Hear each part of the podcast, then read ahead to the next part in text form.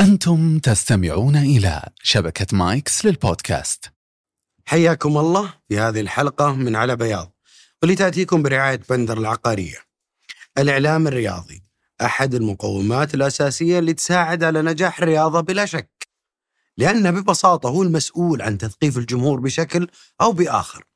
الجدل اللي حاصل حوله يخلينا نحاول ندخل في دهاليزه نسمع من داخل البيت وش اللي قاعد يخفى عنا في كواليس صناعة الإعلام الرياضي. خلونا نرحب بضيفنا وضيفكم الإعلام الرياضي الأستاذ محمد البكيري.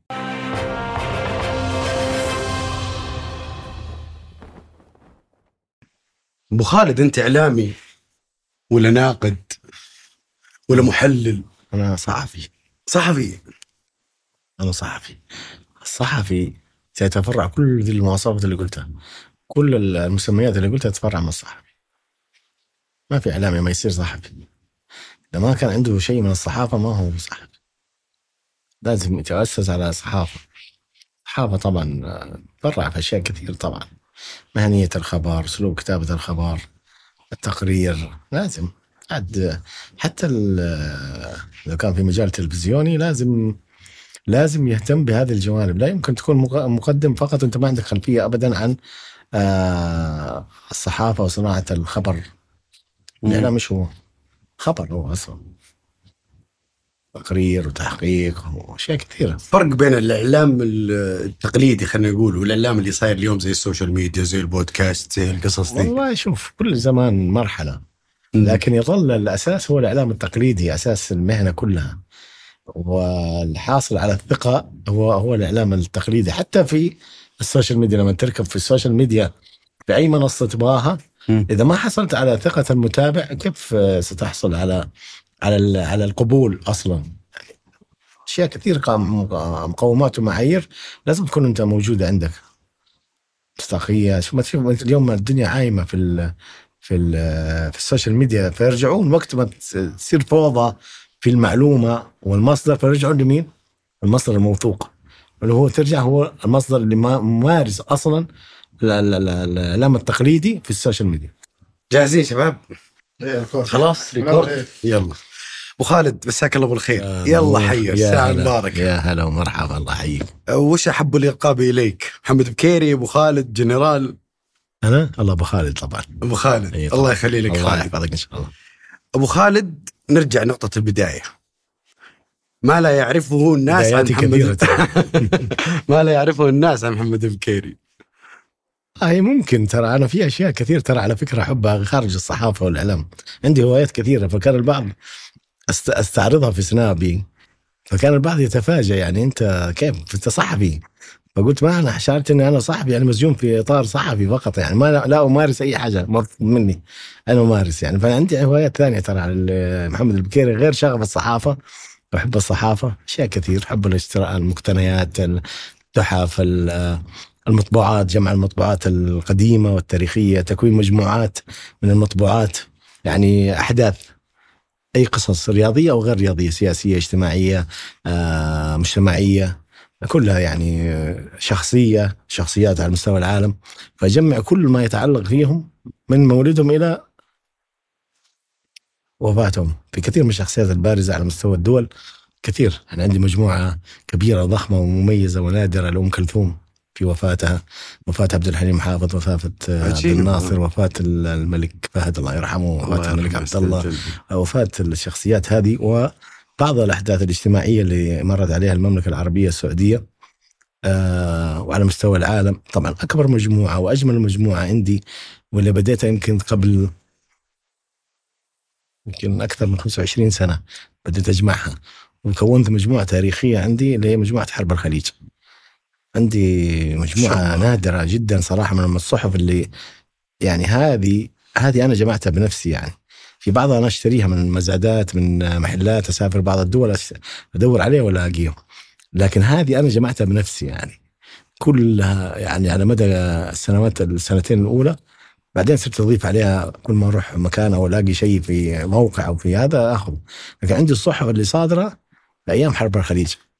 يعني أحداث كثيرة ترصدها مسيرة تاريخيه في في هذه المجموعة تعتبر واحدة من أهم وأكبر المجموعات من المقتنيات الورقية من الصحف والمطبوعات كانت هذه مجموعة الخليج. غير قلت لك اللي هم الفنانين زعماء العرب ملوك المملكة العربية السعودية آه، في حادثة جيمان مثلا اللي صارت في المملكة العربية السعودية. هذه طبعا ادخل مزادات قوية جدا عليها حقيقة. تلاقي الصحف شيء نادر. أيضا هنا في في الرياض أحب سوق الرياض اللي سوق ال- آه، ميري. ميري جميل. زبون دائم صرت هناك معروف عنده في أشياء من المقتنيات آه، وفاة الملك فيصل طبعا مطبعات نادرة هذه. الملك خالد أشياء نادرة جدا. للملوك المملكة العربية السعودية لا تجدها إلا في إطار محدود جدا أو عن طريق أحد لين يوصلك لأحد عنده آه، مطبوعة تخص الشخصية هذه. آه، سواء من حدث أو آه، عندك آه، إيش في آخر شيء صار؟ يعني آخر شيء الثوره اللي في مصر الثوره اللي في كذا دولة عربية سايرة. فجمع قصص جميلة تري الصحف لأن هذه ترجع لها بعد سنوات. تيجي تتأمل فيها وتشاهد كيف الرصد اللي يكون رصد رصد اللحظه هذاك. كان التوثيق الورقي جميل آه، صراحة موجود. ففي أشياء نادرة غير الكتب طبعا. عندي شغف كبير بالقراءة أنا نهم جدا. آه، ورطني في هذا الشيء الجميل خالي اللي هو أبو إبراهيم بكيري اللي هو إبراهيم ولد ولد خالي يصير. فأبوه قارئ جميل أدبي فنان رسام آه، محلل جميل سياسية وفنية وتاريخية جميلة. الجلسه مع أبو إبراهيم بكيري ممتعة. ما في أحد جلس معاه إنه يمل من جلسته في الحديث والكلام والتطرق لكثير من الجوانب. فكن آه، كنت أنا في السن 14 سنة. فكنت لما أجي عند البيت طبعا كلنا في محيط واحد العيلة كل الأسرة البكيري. في حارة كذا من حواري جدة في النزله اليمنية اسمها. كان جدي محتل جزء كبير منها. منشئ هذا الشارع اللي كان فيه كان شارعه كان باسمه. حتى المسجد اللي موجود في الشارع كان باسمه. فالبيوت جنب بعض. فأنا لما أمر أدخل ألاقي كثير من الصحف والمجلات العربية خلاص خل- تخلص منها يعني قريها جرايد مصرية لبنانية مجلات أشياء كثيرة يعني. فصرت يعني تلفت نظري إنها كذا وأقوم أخذها أقراها و... فبديت أتشبع بأشياء كثيرة ثقافية جميلة وطلع كثير. يعني إذا كان في فضل بعد فضل الله حقيقة في توسعة المدارك وتنميتها فكان ل... ل... لهذه المقذوفات اللي والمهملات من أبو إبراهيم البكيري حقيقة. فكان عندي صار شغف كبير جدا بالقراءة. والاطلاع ومعرفة الثقافات المختلفة فكان فكنت يعني شيء جميل على اقراني الآخرين يعني لما اتحدث عن أشياء يعني ما. ما كان موجود إنه إلا بالقراءة يعني فكان سني يعني أقرأ أشياء اكبر من سني حقيقة يعني فتنمت عندي القراءة القراءة القراءة حب الكتب أحب الكتب أشتري كتب أحاول أجيب كتب حتى صعبة لأن أنت توجد آه روايات بعدين دخلت عالم الروايات من الروايات ما كنت أدخل عالم الروايات صراحة كنت أهتم بالمذكرات الشخصية آه تأثير تأثر بالأدباء المصريين كثير كان صراحة. فبعدين بديت أدخل مرحلة الرو- الروايات وتوسع فيها وتنمية المكتب اللي عندي بشكل كبير أكثر من قريب ألف كتاب عندي يمكن. ما شاء الله. يعني منوع كثير بس أكثر يميل إلى الناحية الأدبية يعني اللي هي الروايات والأشياء المذكرات والكتب النادرة ترى. كتب نادرة جدا طبعات أولى يمكن لها أكثر من 100 سنة 50 سنة 90 سنة أشياء أقتنيها هذه الأشياء يعني. مرة مرة أكون سعيد يعني. أشعر إني طفل لما ألاقي حاجة تعرف طفل لما تلاقي تعطيه شيء هو يحبه أنا كان أسعد شيء إنك تهديني كتاب مثلا جميل جد يعني ما ما يتم أي هدية أخرى. وكنت لما أحصل على هذه الأشياء النادرة من روايات حتى أنا روايات مثلا زي نجيب محفوظ. اللي هو كان في دارين تطبع له. الدار اللي والله نسيتها الحين ما نتذكرها. اللي موجودة من الدار الأولى اللي كانت تصدر روايات ال- ال- ال- المشهورة والكبير والكبيرة آه في بداياتها. اي هذه مقتنيات نادرة طبعا اولى نادرة جدا تلاقيها. يعني جميل. بعض الكتب كنت أقتنيها من من السورة الأزبكية في مصر. فمن يعني جميل تلاقي توقيع الكاتب وإهداء الكاتب اللي في الستينيات في الستينيات موجود كان. هو في الستينيات كاتب التوقيع لأحد ما إهداء. ففي بعض هذه نوادر من الكتب ال- الجميلة. آه صور. إيه، تصدق عندي حاجة غريبة أنا. دائما آه، يعني في الصور أحيانا تنباع كذا صور قديمة يعني اللي يعرف الانتيكات ما الانتيكات. في صور شخصية تلاقيها آه، منثورة على على الارصفه تباع. وهي صور عائلية ممكن. ف... فكنت اتامل في هذه الصور وتخيل هذول ال- اللي في في هذا كادر الصورة. كيف كانوا عايشين قبل 40 سنة؟ صور قديمة جدا. يعني أب وزوجته وابنه واطفاله معاه في واحدة من أجمل الصور اللي تعتبر في الذكريات العائلية في استديو. إنك تأخذ عائلتك في الخمسينات والستينات أو حتى السبعينات. تأخذ عائلتك إلى الاستديو وتتصور في صورة عائلية. تتكلم أنت شيء لحظة عظيمة ترى في تاريخ الأسرة تكون أو ذاكرة ذاكرة الأسرة. فأنت تأمل عجيب يعني في الصور كيف ذول عاشوا في آه، حالة ثانية أخرى. يعني أحيانا بعض الشوارع لما تمشي فيها بالذات في فصول الشتاء دائما. على فكرة ال- الشتاء ذا يثير عندي أشياء كثيرة. أحيانا ما احبها في نفسي. يعني عاطفه جياشة. فدائما بعض البيوت كذا تلاقي كثير مطفية البيوت كذا لكن في بعضها مضيء. فتتخيل مثلا تقول هذا البيت إيش عالمه؟ كيف عالمه؟ هذا كيف عايش؟ كيف مبسوط؟ يعني تتخيل عالم آخر ثاني مختلف. كيف عايشين دول اللي مثلا هنا؟ ففي خيالات كثيرة تكون موجود. عندي مشكلتي إني أنا عندي خيال واسع جدا وعندي طموح متعب. بالعكس هذه ميزة مو مشكلة. أنا لولا خيالي وأحلامي يمكن كان قضي علي بدري. فعندي خيالات أطاردها وأحلام أحاول أحققها. هذا سبب من أسباب إني آه، ما زلت صامد إلى اليوم. ما عندي شيء ينتهي يعني. دائما عندي متجدد. إي طبعا لازم- متجدد. لازم, أنا شخص آه، حقيقة أحب الحياة ولا أحب ال- آه، المشا... مو المشاكسه يعني ما احب سوداوي. آه، ما أحب النوم كثير. رغم إني دحين صرت أدور النوم كثير. صراحة عندي كان خيال إنه ماذا لو ان إحنا ما ننام. 24 ساعة نكون صاحي. الحياة تستحق إن نكون مستيقظ. لها 24 ساعة. لكن الله رحيم بنا إنه جعل لنا الليل سباتا يعني حقيقة. ولكن كان بالنسبة لي آه ليلي متعة. أنا الليل عندي كان خيال كبير جدا أعشق الليل بشكل جنوني جدا. ماني أنا كائن ليلي. كنت أقول دائما من يوم ما بديت أدخل تويتر أقول عن نفسي أنا أنا كائن ليلي. حتى كان الترحيب فيا لما أدخل تويتر في بدايات 2011 12 أهلا وسهلا بالكائن الليلي جاء الكائن الليلي. فعندي الليل كان شيء مقدس وأسطوري أكثر من أي وقت في النهار. فمن كثر الشغف أحيانا في مراحل من السن والإقبال على الحياة والاقبال على تنمية نفسك وطموحاتك وأحلامك. تشعر إنك أنت ما تبغى تنام. بتكون مستيقظ لكل الفرص اللي تمر من أمامك لإلقاء القبض عليها. بس هذا هو كذا. آه، ما في شيء يستحق النوم يعني. ليش ليش تنام؟ فلكن مع الوقت يعني آه، أصبحت أحب النوم.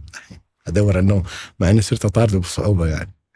يمكن يوم صار إكس صرت تحب النوم لا من أول. يوم تويتر شوف صراحة آه، يمكن واحد من المشكلة عندي يعني سببت فيها في أزمة القلبية دي لما بديت أشعر إني إني أنا إني أنا فقدت النوم حقيقة.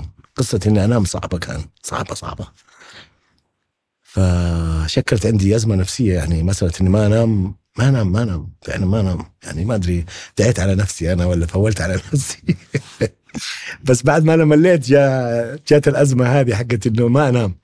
فهي اللي دخلتني في مشاكل كثيرة آه، حسيتها نفسية من ناحية قلة النوم. وهذه مشكلة كبيرة صراحة. أنا أخذ جرعتي بالنوم في اليوم ست ساعات. إلى سبع ساعات هذا أقصى شيء. حتى لو كنت مواصل 24 ساعة. ما أنام كثير. ما أحب أنام كثير أصلا.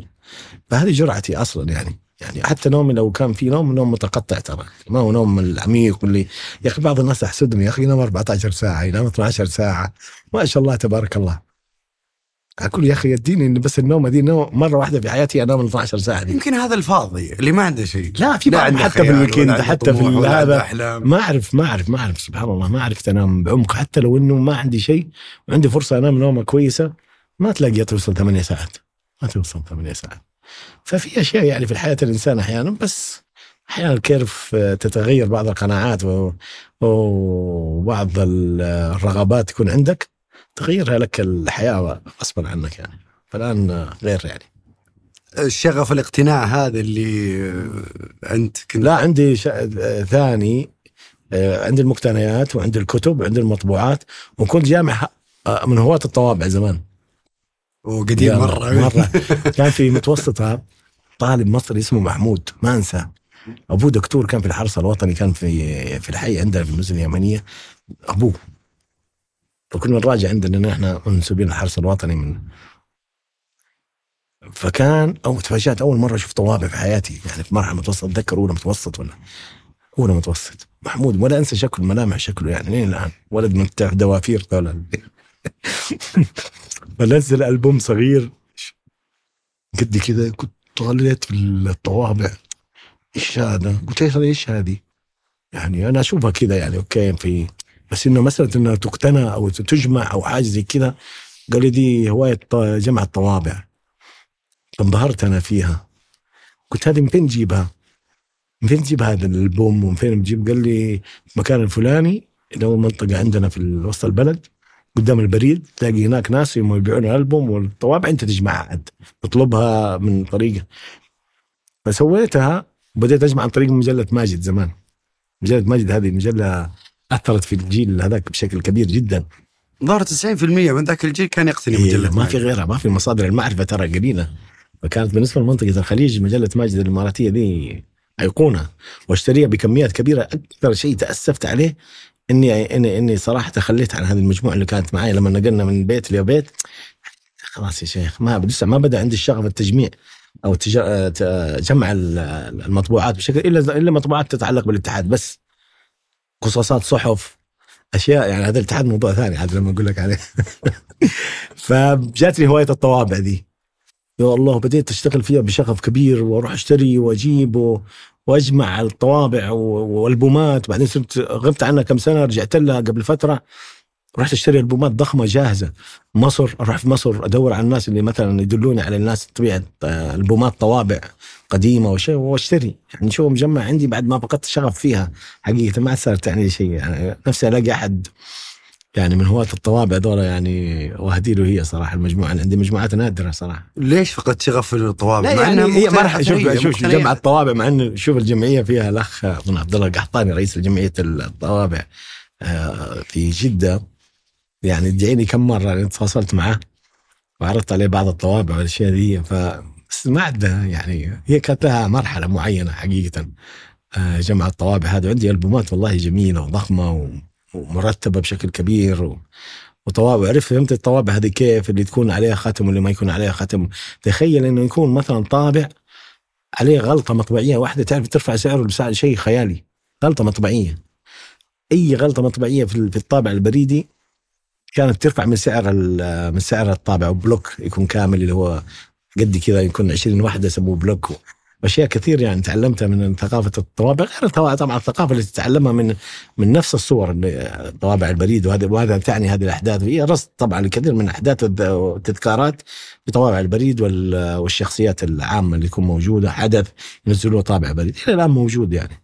بس ما عدني بالناس وأنا يعني للاسف رحت مكان ثاني الحين الروايات والكتب والقراءة وكذا هي كانت هي بوابتك آه، اللي دخلت فيها للإعلام؟ شوف لا دخلت الاعلام موضوع ثاني دي بس هي شوف صراحة لها بعد الله قلت لك الفضل ليش أقول لخالي؟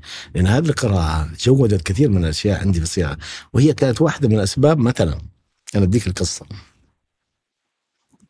آه في بداية أنا أنا رسام كاريكاتير أصلا. ماني ك- ماني صحفي. أنا رسام كاريكاتير هواية الرسم. والله جديد أعشق شيء اسمه الرسم. قراءة ورسم قراءة ورسم. فدخلت جا مجال ال- ال- الرسم الكاريكاتيري والأشياء. آه بعدين جيت عن طريق أحد الأصدقاء. لو ما أعرف عن طريق أحد يعرف الاستاذ عبد العزيز الشرقي. فأدى له الرسومات.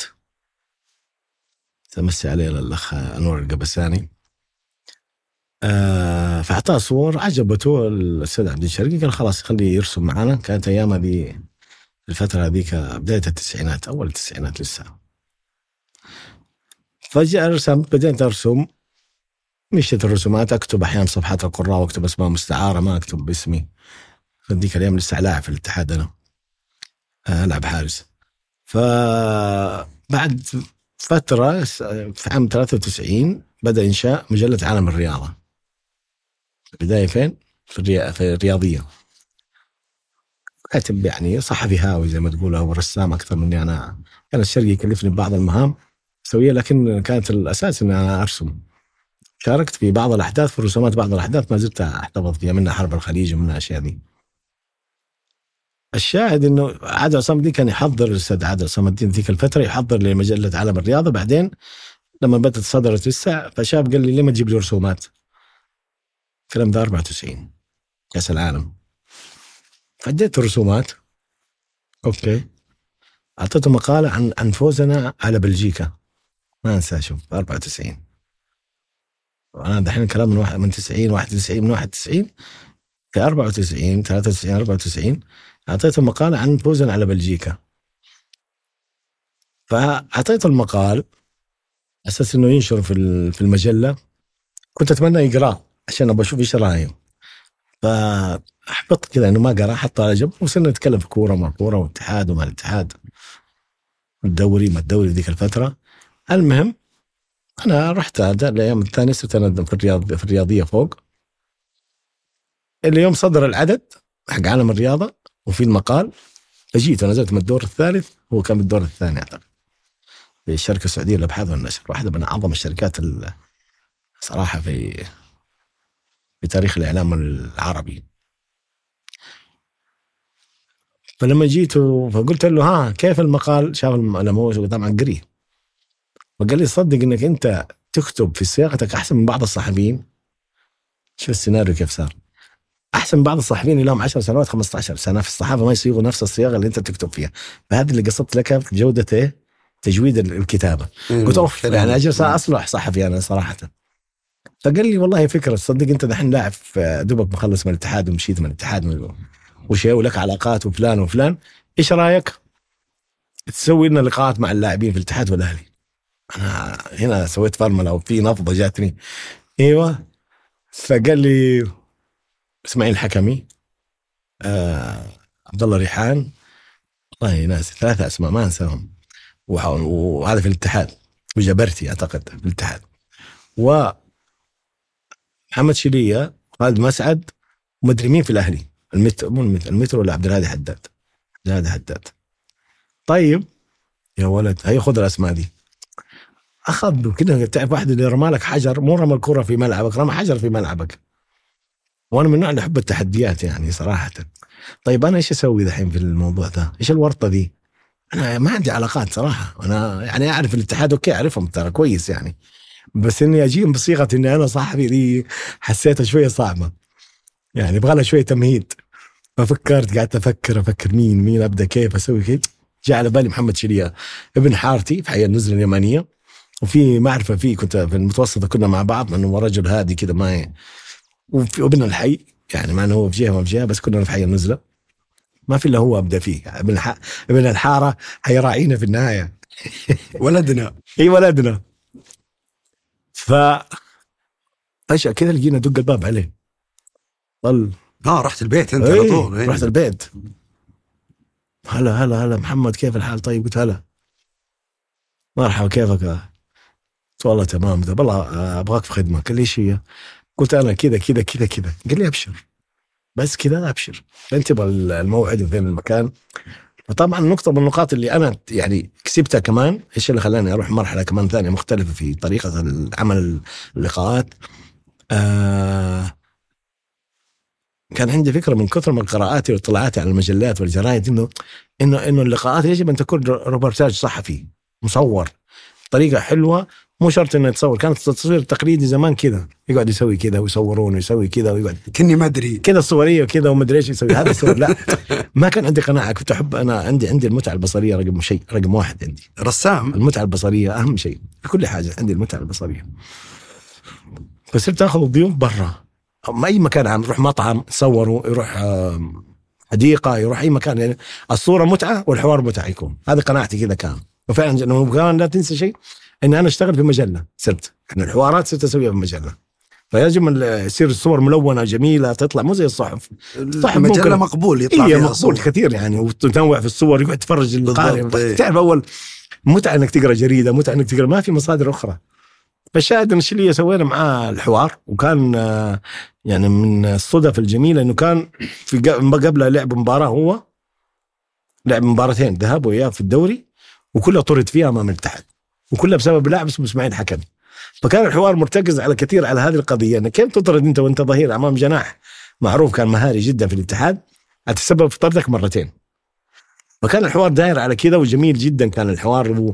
وطبعا ساعدني فيه كثير الزميل علي الشريف كان هو مدير تحرير كان ذيك الأيام طريقة الصياغة كيف تفرغ التسجيل كان أسوأ شيء على الصحفي ترى تفريغ المسجل الحوار. يعني زي الحوار مثلا يدير هناك لو يتفرغ كتابيا مزعج كثير لنا كصحفيين. تتورط دائما ياخذ وقت طويل. تفرغ تسمع كذا وتقفل تسمع كذا وتقفل تسمع كذا وتقفل. وكان هذا أول حوار مع محمد شنيه وعلى طاري هذه التسجيل كان ال ذيك اليوم في المرحلة في الكلية. فأسهر على تفريغ الشريط وعندي كلية الصباح. فالوالد الله يرحمه يغفر له يصحى على قريب الفجر. وأنا منبطح على بطني في الصالة وأسجل وأكتب تعب حماس. كمان الواحد متحمس لل... للمهنة. إيه شيء جديد. فيدخل هذا كان كان لسه ادمني لي الشهر الثاني ذا في.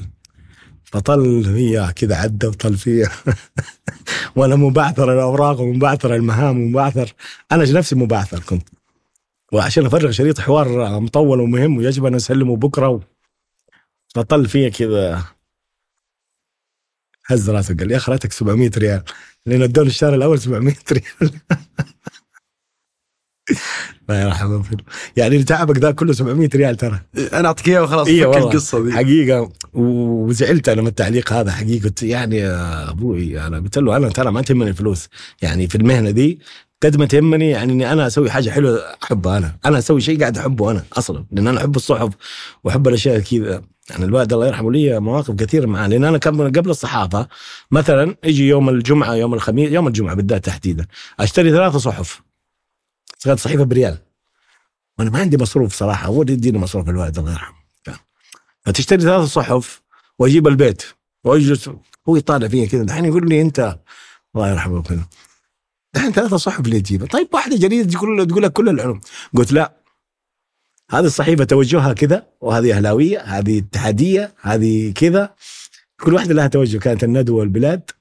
عكاظ يا المدينة ولا الملاعب المدينة كان لا لا عكاظ بعدين طلعت في التسعينات طلعت قوية. فقال لي يعني تضيع ثلاثة ريال على ثلاثة صحف. قلت له أنا عندي نهم إني أنا أقرأ التوجهات كلها. وعندي إلى اليوم هذا إني أنا أشوف كل التوجهات صراحة. ف... فهذه الأشياء كونت عندي مخزون إعلامي وصحفي وكنت ما أهتم بالصحف وأقرأ الصحف وأقصص في الصحف وأحطها عندي في أشياء كثير من الأحداث اللي كانت تتعلق بنادي الاتحاد بالذات تحديدا. إلى الآن مجمع أشياء تاريخية للاتحاد يمكن من كم يعني؟ من أواخر 35 سنة؟ تقريبا 30 35 سنة في أشياء. تعرف إن عندي ما يقارب 50 كعب تذكرة من المباريات معظمها الاتحاد. كان زمان قبل دحين تطلع لك دحين الكتروني لا كان صغيرة كذا وفي تيكت في الأخير ينقطع لك يعطيك هو انت داخل والكبيره ياخذه هو.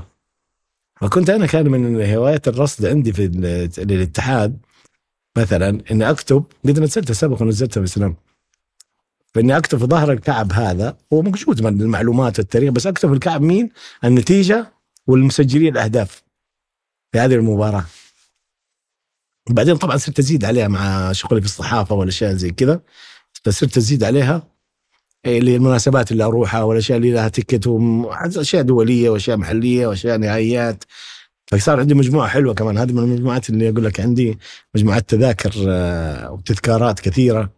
يكون مناسبات على رياض صحفي بالفطرة أنت؟ آه قلت لك القراءة هي الأساس صراحة. أنا القراءة هي لعبت معي دور كبير. بس دقة تسجيل المعلومة من لا شغف شغف بالكورة. كنت عندي شغف كبير. أحب الكورة كثير بشكل سواء قراءة أو ممارسة. حتى الممارسة. اي بس أبو خالد في ناس عنده نفس الشغف ويحتفظ بالتذكرة فقط. لكن واحد لا يسجل عندي إيه مهم. طب إيش المناسبه طب المباراة بس كذا واكتب عليها إيش الحدث. بالذات اللي هي ال... إيه هذا هذا مو بحس صحفي؟ إيه والله ممكن يعني ممكن أقول لك كثير يعني. بس إنها ف يعني هذه الأشياء سبحان الله لعبت دور كبير بعدين في مرحلة حياتي الم...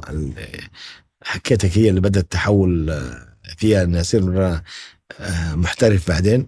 طبعا آه، مشيت لين عام 94 من 91 تقريبا في الرياضية لين 93 94 في عالم الرياضة. في نهاية 94 كانت نقطة التحول عندي. لما تم تكليفي من الاستاذ عادل عصام الدين إني أروح أغطي بطوله الخليج 94 خليج 12 كانت اسمها في أبو ظبي. وهذه كان تخيل إنك أنت دوبك في الصحافة مثلا لك سنة كممارس عميق فيها يعني تروح تغطي أحداث في المحلية. كنت أغطي أغطي أخبار الاتحاد أكثر شيء. وكانت حساسة جدا اي المرحله هذيك. ما تقدر آه، تروح نادي ثاني. والله يضربوك لو رحت الأهلي ولا يعني لا يمكن أهلاوي يجي الاتحاد الاتحاد يروح. ابدا. وأنا أصلا كنت يعني حتى على مستوى بطولات الخليج كانت أيه. فرحت 94 وكانت تجربة جميلة لي. وبعدين كان معايا الأستاذ عبد العزيز الشرقي وكان سمير محمد عبد مقدم.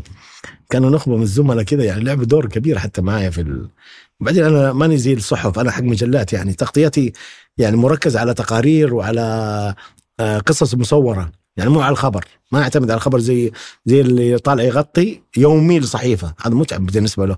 فأنا كنت حق روقان مناسبة لي المزاج هذا العام وكتابة التقارير والصور والقصص. فكانت من واحدة من القصص الجميلة في البطولة كان تفاجأت بفادر الغشيان اللاعب السابق اللي يقول لي تعال تعال أبغاك. قلت إيش فيه؟ قال تعال. قلت آه، كان بالنسبة لي قصة لي أنا. حلوة ذي. قال لي أبغى عود. ابغاك تجيب لي عود. قلت أبشر. قال لي بس لا أحد يشوف إن أنت جايب لي عود. قلت بشرط واحد. أصورك أنت بالعود. قال لي موافق بس جيب لي العود. المهم نزلت في واحد من الأسواق سألت. هناك في أبو ظبي فين يبيع عود؟ جبت العود. طبعا رحنا المطبخ. الفندق. كانت قيمته 1000 1000 درهم يعني 1000 ريال تقريبا ذيك اليوم. قلت هذه قيمته 1000 أعطاني ال 1000 أعطاني. قلت هي الصورة ذحين لو سمحت. المهم جلس والله شوف الصور موجودة هنا حتى نشرتها أنا. هو جالس باين إنه راس سيراميك مطبخ أصلا. فرن أيوه. فإنه بس قلت له آخذ صورة. هذه بحد ذاتها قصة كانت. المجلات كذا شغلها اي بالضبط. الجرايد هي الخبر. الصحف هي الخبر.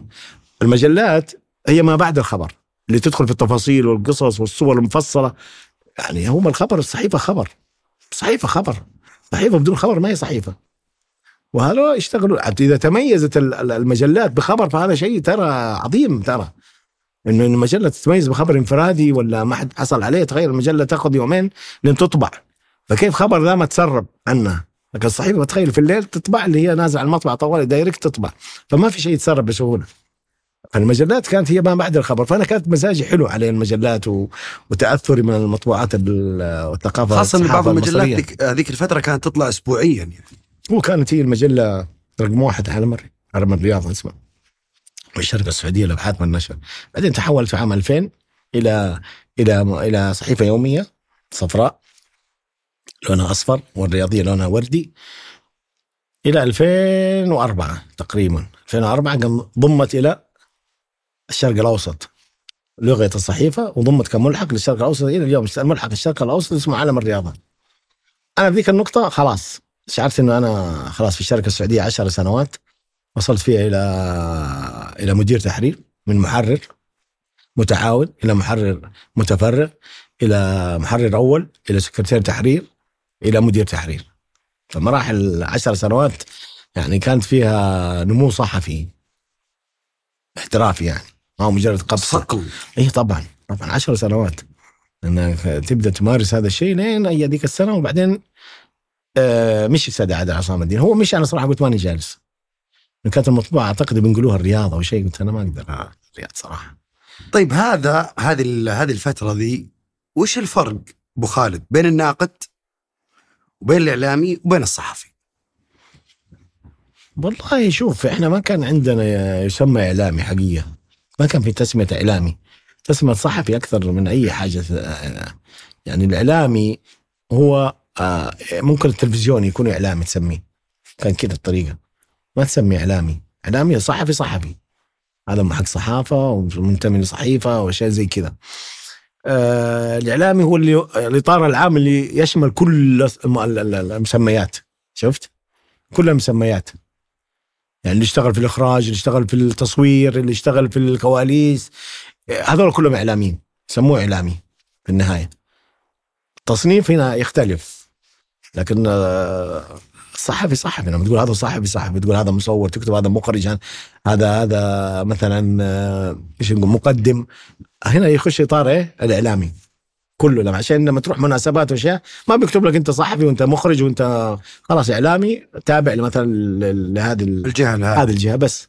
فهي بس يعني عنوان آه عنوان أو مدخل لأسماء كثيرة ومواصفات كثيرة. يعني الصحفي مهنة متخصص طبعا طبعا هي هي ممارسه لازم ممارسة هي أكثر شيء الممارسة في المهنة دي يعني الخبرة تجيك في الممارسة فيها حتى لو والناقد. الناقد الرياضي هو هو مجموعة هم هم هم الكتاب. هم المفروض الكتاب. المفروض. اي هم الكتاب هم النقاد. هم الناقد هذا أصلا. يعني هم مجموعة من الكتاب. الان عشان كذا دائما أتحدث في هذه الجزئية في في الإعلام. إنه هناك فرق إنه لا تقول لي هذا صحفي لا أنا موجود يمكن قريب 90% منهم موجودين في البرامج وهذا ما هم صحفيين حقيقه يعني بدون أحد يزعل مني يعني. إنه ما هو صحفي الصحفي يعني ما يعرف يفرق بين خبر وصياغة خبر ولا يعرف يفرق بين تقرير ولا بين تحقيق. يعني ما يعرف حقيقة ما مارس هو. هو ناقد كاتب أو كتب في مقالات في هذه وتحول إلى ناقد في أحد البرامج. يعني قليل الصحفيين اللي يعني عشان ما أبغى احد يزعل مني يعني من الأسماء. لكن في فرق بين صحفي وبين آه، صحفي ناقد وبين ناقد ناقد بس. وش الفرق بينهم؟ كثير جدا. يعني الحين الناقد أدوات. الناقد. وش المفروض انه تكون خبرته عشان يكون أيوه الناقد يعبر عن. الرأي. هذول كتاب الرأي يسمونهم. في أوكي الإعلام كتاب رأي. هذول معظمهم كتاب رأي ترى اللي موجودين في الساحة الآن. كتاب رأي.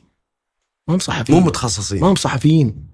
الصحفي ممارس الصحافة كتابة الخبر كتابة التقارير الحوارات التحقيقات أشياء كثيرة. دخل المطبخ الصحفي نزل الميدان صحفي ما نزل ما اعترك في الميدان ودعك في الميدان إنه هو يغطي ميداني هذا نعتبره حتى صحفي مبتور مبتور مهما كانت قدراته. حتى إنه اللي ما مارس الميداني آه، صحفي مبتور مهما كان. إيه هذول كتاب رأي هذا أمر آخر. واللي قاعد يصير اليوم في الإعلام حالي. اختلط الحابل بالنابل والله ما عاد فيه ما عاد فيه كيف؟ يعني اختلط الحابل بالنابل والله ما عاد فيه صراحة. تيجي من الشباك تيجي من فوق السطوع تيجي من الباب انت واحد كلكم زي بعض. والله كلهم زي بعض. يعني ما تعرف إن المشكلة كمان إيش؟ يعني واحد اللي ما له سنتين ممكن يقارن بواحد 20 سنة حتى في التقدير. في القيمة يعني في البرامج والاشياء اللي زي كذا. ليه؟ طيب إيش فايدة 20 سنة قضيتها أنا في المجال ده؟ لما تساوي بواحد ما له سنتين ثلاثة. ما له قيمة يعني. طيب ممكن هذا اللي قاعد 20 سنة قاعد هناك في ال 20 سنة ما تطور. هذا غير. أنا ما أتكلم ما أقارن واحد مهمل أو مهمل. إيه. آه لا لا مهمل نفسه لا، لا، غير المهمل. إيه إيه. مهمل من أحد. بالضبط. لا هو خلينا في مهم المهم. نفسه تطوير وأدوات. لا في ناس أسماء معروفة واشياء زي كذا. يعني يعني ما هو إنه إنه والله في تعالي أو حاجة في الجانب لكن أتكلم عن الأدوات اللي ممكن يمتلكها شخص زي هذا وبين شخص يعني مو مسألة هي هي هي على قولك آه، تساوي رؤوس لا يعني على عيني وراسي صحيح. بس الخبرات تفرق كثير جدا وال وال وال وال والقيمة لك أنت كاسم لك 20 سنة تفرق عن قيمة ناس لها سنة وسنتين ولا ثلاث. تفرق كثير صراحة. يا أحد يقدرني ولا ماني جاي لحد صراحة كذا أنا مبدئي قدر أنا قيمتي كاسم وخبرة أهلا وسهلا. قدرني ما ما أنا ملزم أنت لا أنت ملزم فيه ولا أنا ملزم فيك. اني أجي عندك. ما أنت خياري الوحيد ولا أنت يعني إنه أنا لازم أجي عندك. آه صح. أنا يعني ماني أنا بالنسبة أتكلم عن نفسي صراحة. ما أجي أنا أتساوى مع أي أحد. okay نخب من الأسماء موجودة okay. أما تيجي تقول كلكم زي بعض كيف زي بعض يا رجل؟ ما يصير أنا أجي أضيع وقتي وأشياء زي كذا وتقول لي أنت عشان تقوم تنزل بي من المستوى هذا بالتقدير والاشياء اللي زي كذا. من الناحيه المادية أتكلم طبعا أنا. ما أتكلم عن أشخاص لا والله كلهم لهم احترامهم وتقديرهم. لكن في الناحية ال- تقول أنتم والله كذا لا والله صحيح مو كذا. أنا تعبت على نفسي. أنا شقيت على نفسي. أنا تحملت أشياء كثيرة عشان نفسي. فأنا ما أنا مستعد أرخصها في شيء بلا بلا قيمة. أنا مستعد. أنا السنوات هذه كلها قضية وما لها قيمة. تكون موجودة. لا لا. هذه يعني- اشياء أشياء لا يعني أنت تقديرك تقول أنا ما عندي مشكلة ممكن أروح مع ال... على قولتك الحابل والنابل بس أبغى قيمة. قيمة شوف شوف مادية. أنا ماني وصي على الوسط الرياضي عشان أحدد الحابل والنابل. أنت برنامج أنت حر. وال- والمشاهد هو اللي يحكم ترى في النهاية. المشاهد أنت جبت نخبة جبت حابل ونابل هذا هذا شأنك. هذا شأنك. لكن حتى المشاهد هو اللي يحكم في النهاية. هل أنت آه، اللي قاعد تقدم كويس ولا مو كويس؟ سواء أنت كنت من ال- من النخبة ولا من الفئة ولا النقاد ولا ايا كان. في النهاية أنت سويت الخريطة هذا لك أنت حر أنت فيها. أنا ما صنف أحد حقيقة ولا أني ضد أحد. لكن لكن المشاهد دائما هو اللي اللي, اللي هو الحكم. أيوه هو الحكم طبعا. انت انت جاتك فرصة أي إنسان أي إنسان دائما أقول حتى من من, زمان يا جماعة الخير إذا جاتك فرصة في اعتلاء منصة فأنت المسؤول عن تقديم نفسك. أنت تحمد ربك إن من بيت من بين الألوف دول كلهم حصلت على هذه الفرصة.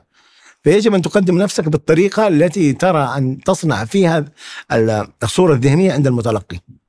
هنا ذكائك آه، حكمتك جنونك آه، أشياء كثيرة هي تحكم سميها ما شئت. هي سميها ما شئت. هي اللي كيف دحين لما زي مثلا تقدر تقول والله تسأل أي واحد محمد البكري أنت يديك صفة معينة. يقول لك هذا ما يحتاج شفتها وانا إحنا نعد شفنا فلان الفلاني من الأسماء أي اسم. يديك صفة لا لا محمد بكيري محمد بكيري عنده ألقاب. فيديك أي صفة. يعني فاهم فخلاص أنت كونت إيه؟ صورة ذهنية. بالضبط. هنا. فهذه نقطة ال- ال- المسؤولية فيها، أما مسؤولية البرامج والله تسوي كذا؟ لا يا حبيبي أنا إنسان لي قيمة. أنا إنسان لي قيمة. أنا يوم من الأيام وصلت قيمتي خمسين ألف في الشهر. في تقديم في برنامج كضيف. يومي ولا؟ لا. مم. يعني كنت نقدم ثلاث حلقات في الأسبوع. خمسين ألف. يمكن ما وصل أحد أي ناقد آه، سعودي إنه يحصل على هذا المبلغ. الأرقام هذه اليوم مين موجودة؟ ما هي موجودة.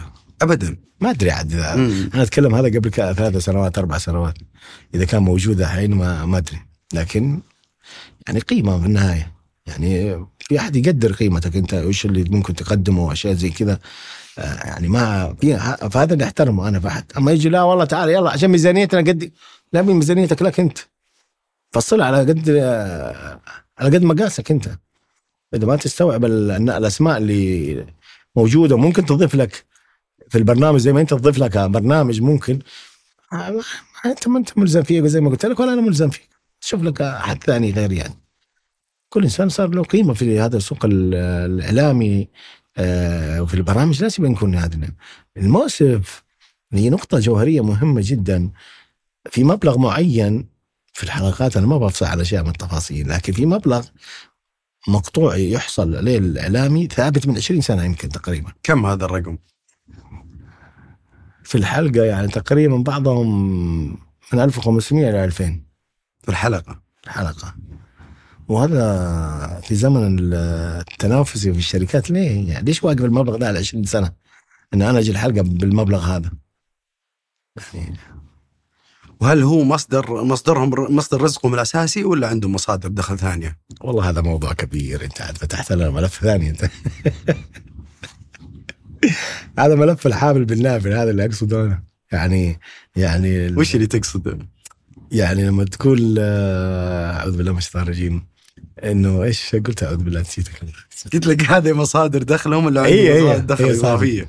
يعني هذه نقطة جوهرية صراحة. هذا ليش أتكلم أنا؟ ويمكن تحس فيها حرقة في الكلام مم. واهتمام. لأن أنا أتكلم عن حرقة المحترف. الثانيين الهواة النقاد الكتاب أيا كان صفة وعنده وظيفة أخرى هذا موضوع آخر. لا شأن لي فيه. أنا أتكلم عن الناس اللي متفرغة لهذه المهنة. وأن هي مع تراكمات الزمن والخبرة والتجربة يجب أن يكون لها قيمة. لا يمكن تجيب لي لأن أنا إنسان أعرف أنا كيف أتعامل مع هذا وأعرف ال- الكثير من المعايير ولا هذا لو لو لو معليش الطرف الآخر اللي هو الهواة ولا الكتاب ولا النقاد اللي عندهم وظيفة أخرى ما بيفرق معاه لو توقف. بايعها. في أي وقت ممكن يشطح ممكن يطلع على الخط ممكن أشياء كثير. لكن أنا أكون عندي حرص أكثر أنا. إن أنا ابن المهنة وأنا علي ضوابط كثيرة وعندي حرص كبير أكثر إن أنا ما أتعرض للأشياء رغم إني تعرضت. مع ذلك رغم كل هذا الحذر. ف... فهذا الفرق. هذا ما عنده مشكلة. طيب لو وقفت إيش صار؟ إيش يصير؟ ولا شيء. عنده وظيفة ثانية بس. شو؟ ما ما في فرق.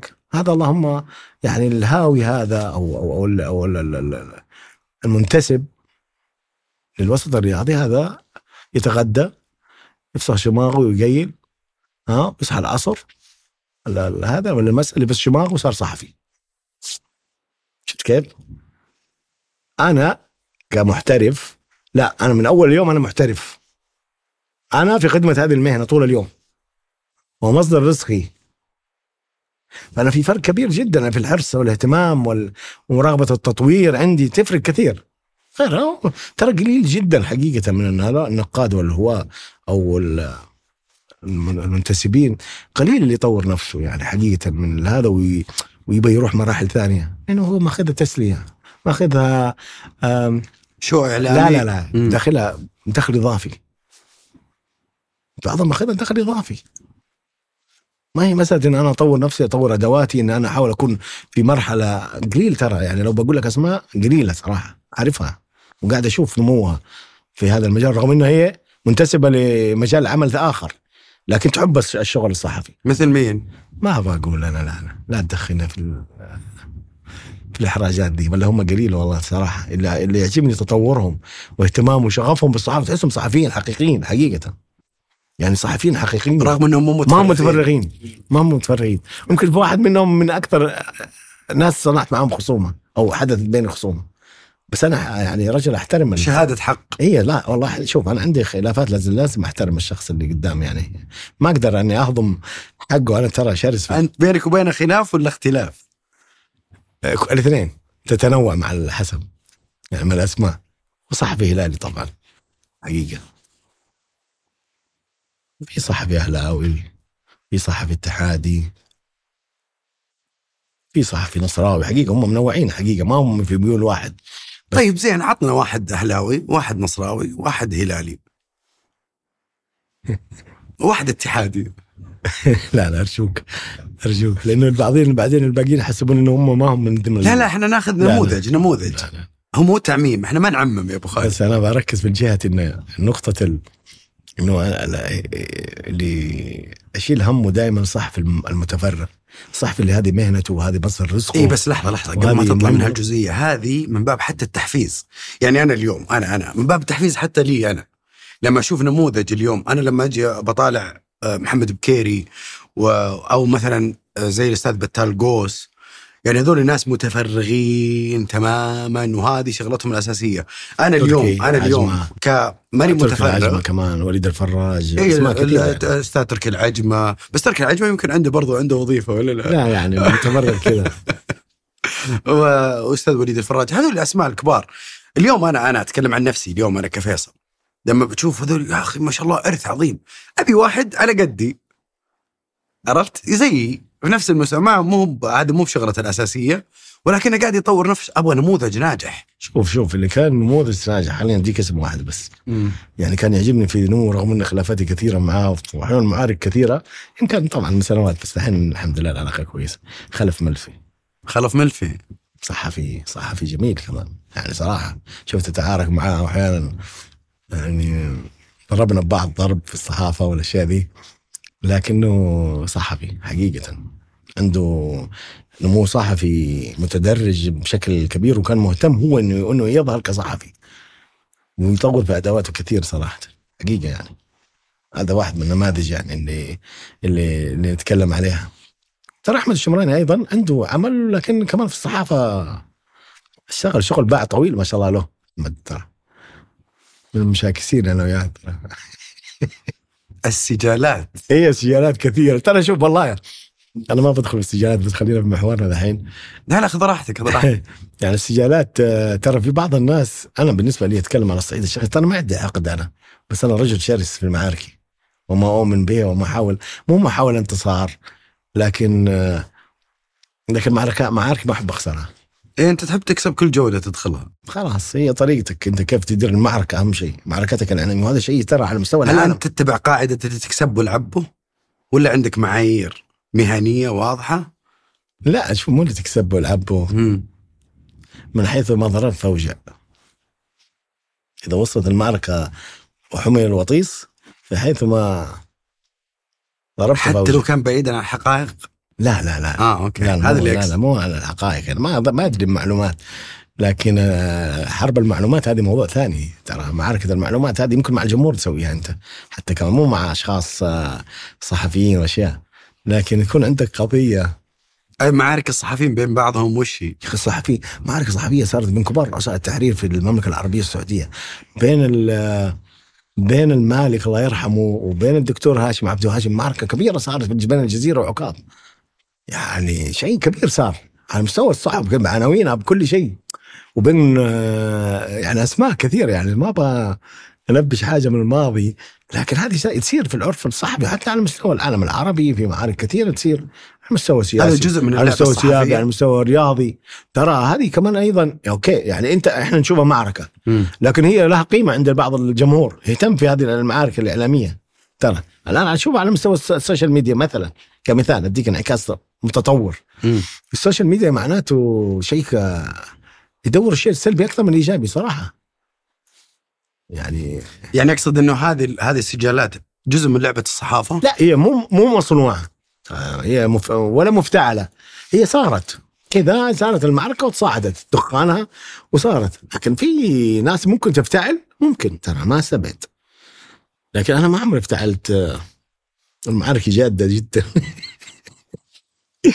ومشاكلي بسببها كثير يعني صراحة. لأني أشوف أنا حياتي الشخصية أصلا على المستوى الشخصي آه، شخص واضح جدا اللي يعرفني على المستوى الشخصي. يعني ما بالي طويل وأطنش كثير وأعدي كثير وأنفض كثير على قولهم. يعني يعني حتى الشيب ما طلع فيني الحمد لله بسرعة. عشان مكبر دماغي أنا. لكن لو التفت لشيء التفت له. يعني أضع له حد وانتهى يعني. من النوع اللي ما ما أحب إنه أنا ألتقط أي مشكلة عشان واستقبلها باحضان لا لا لا مو كذا بعدين الذكي اليوم أفضل من القوي. الزمن هذا زمن الأذكياء وليس زمن الأقوياء. ممكن قبل 20 سنة ممكن زمن الأقوياء. اللي عنده القوة وعنده النفوذ وعنده كثير من السلطة ايا كانت. يعني في الإعلام هو اللي يكسب. لكن الزمن هذا زمن الأذكياء. حتى في إدارة المعركة الإعلامية لازم أن تكون ذكي أكثر من انك تكون قوي. قوتك في ذكائك ما هي قوتك في في في في, في استعراض آه، آه، عضلات ايا كان شكلها. لا إدارة المعارك الإعلامية فن يعني يجيد القليل أمثالي.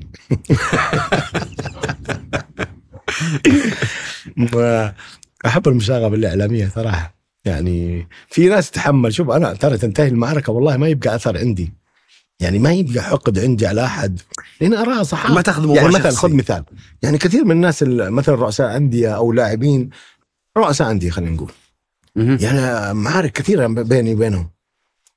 انتهوا من من النادي انتهوا من المنصب اللي يكونوا فيه في اتحاد كرة في لجان في انتهى. خلاص السلام عليكم. ما بيني وبينك أي حاجة. يعني ما بقعد أطاردك حتى لما تخرج من المجال. أنت طالما في المجال الرياضي فتحمل يعني في بعض المسؤولين ما كانوا يتحملون النقد. طيب يا أخي أنت لو طلعت برا الوسط الرياضي لك حقك. أنت كسا إذا أحد طالك ولا تجاوز عليك كسا من حقك. لكن إحنا اليوم ما إحنا إلا في وسط رياضي يتض... آه، في ناقد وفي كل شيء. ما دام تعمل تنتقد.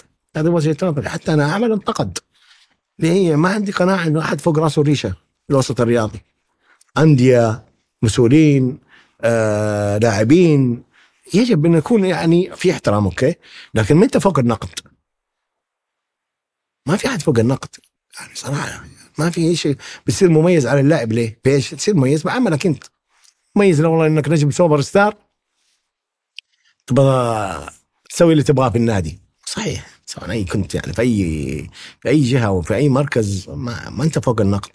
طيب واللي يصير أحيانا يصير فيه تجاوزات على شخوص على شخص. صحيح. في في طبعا.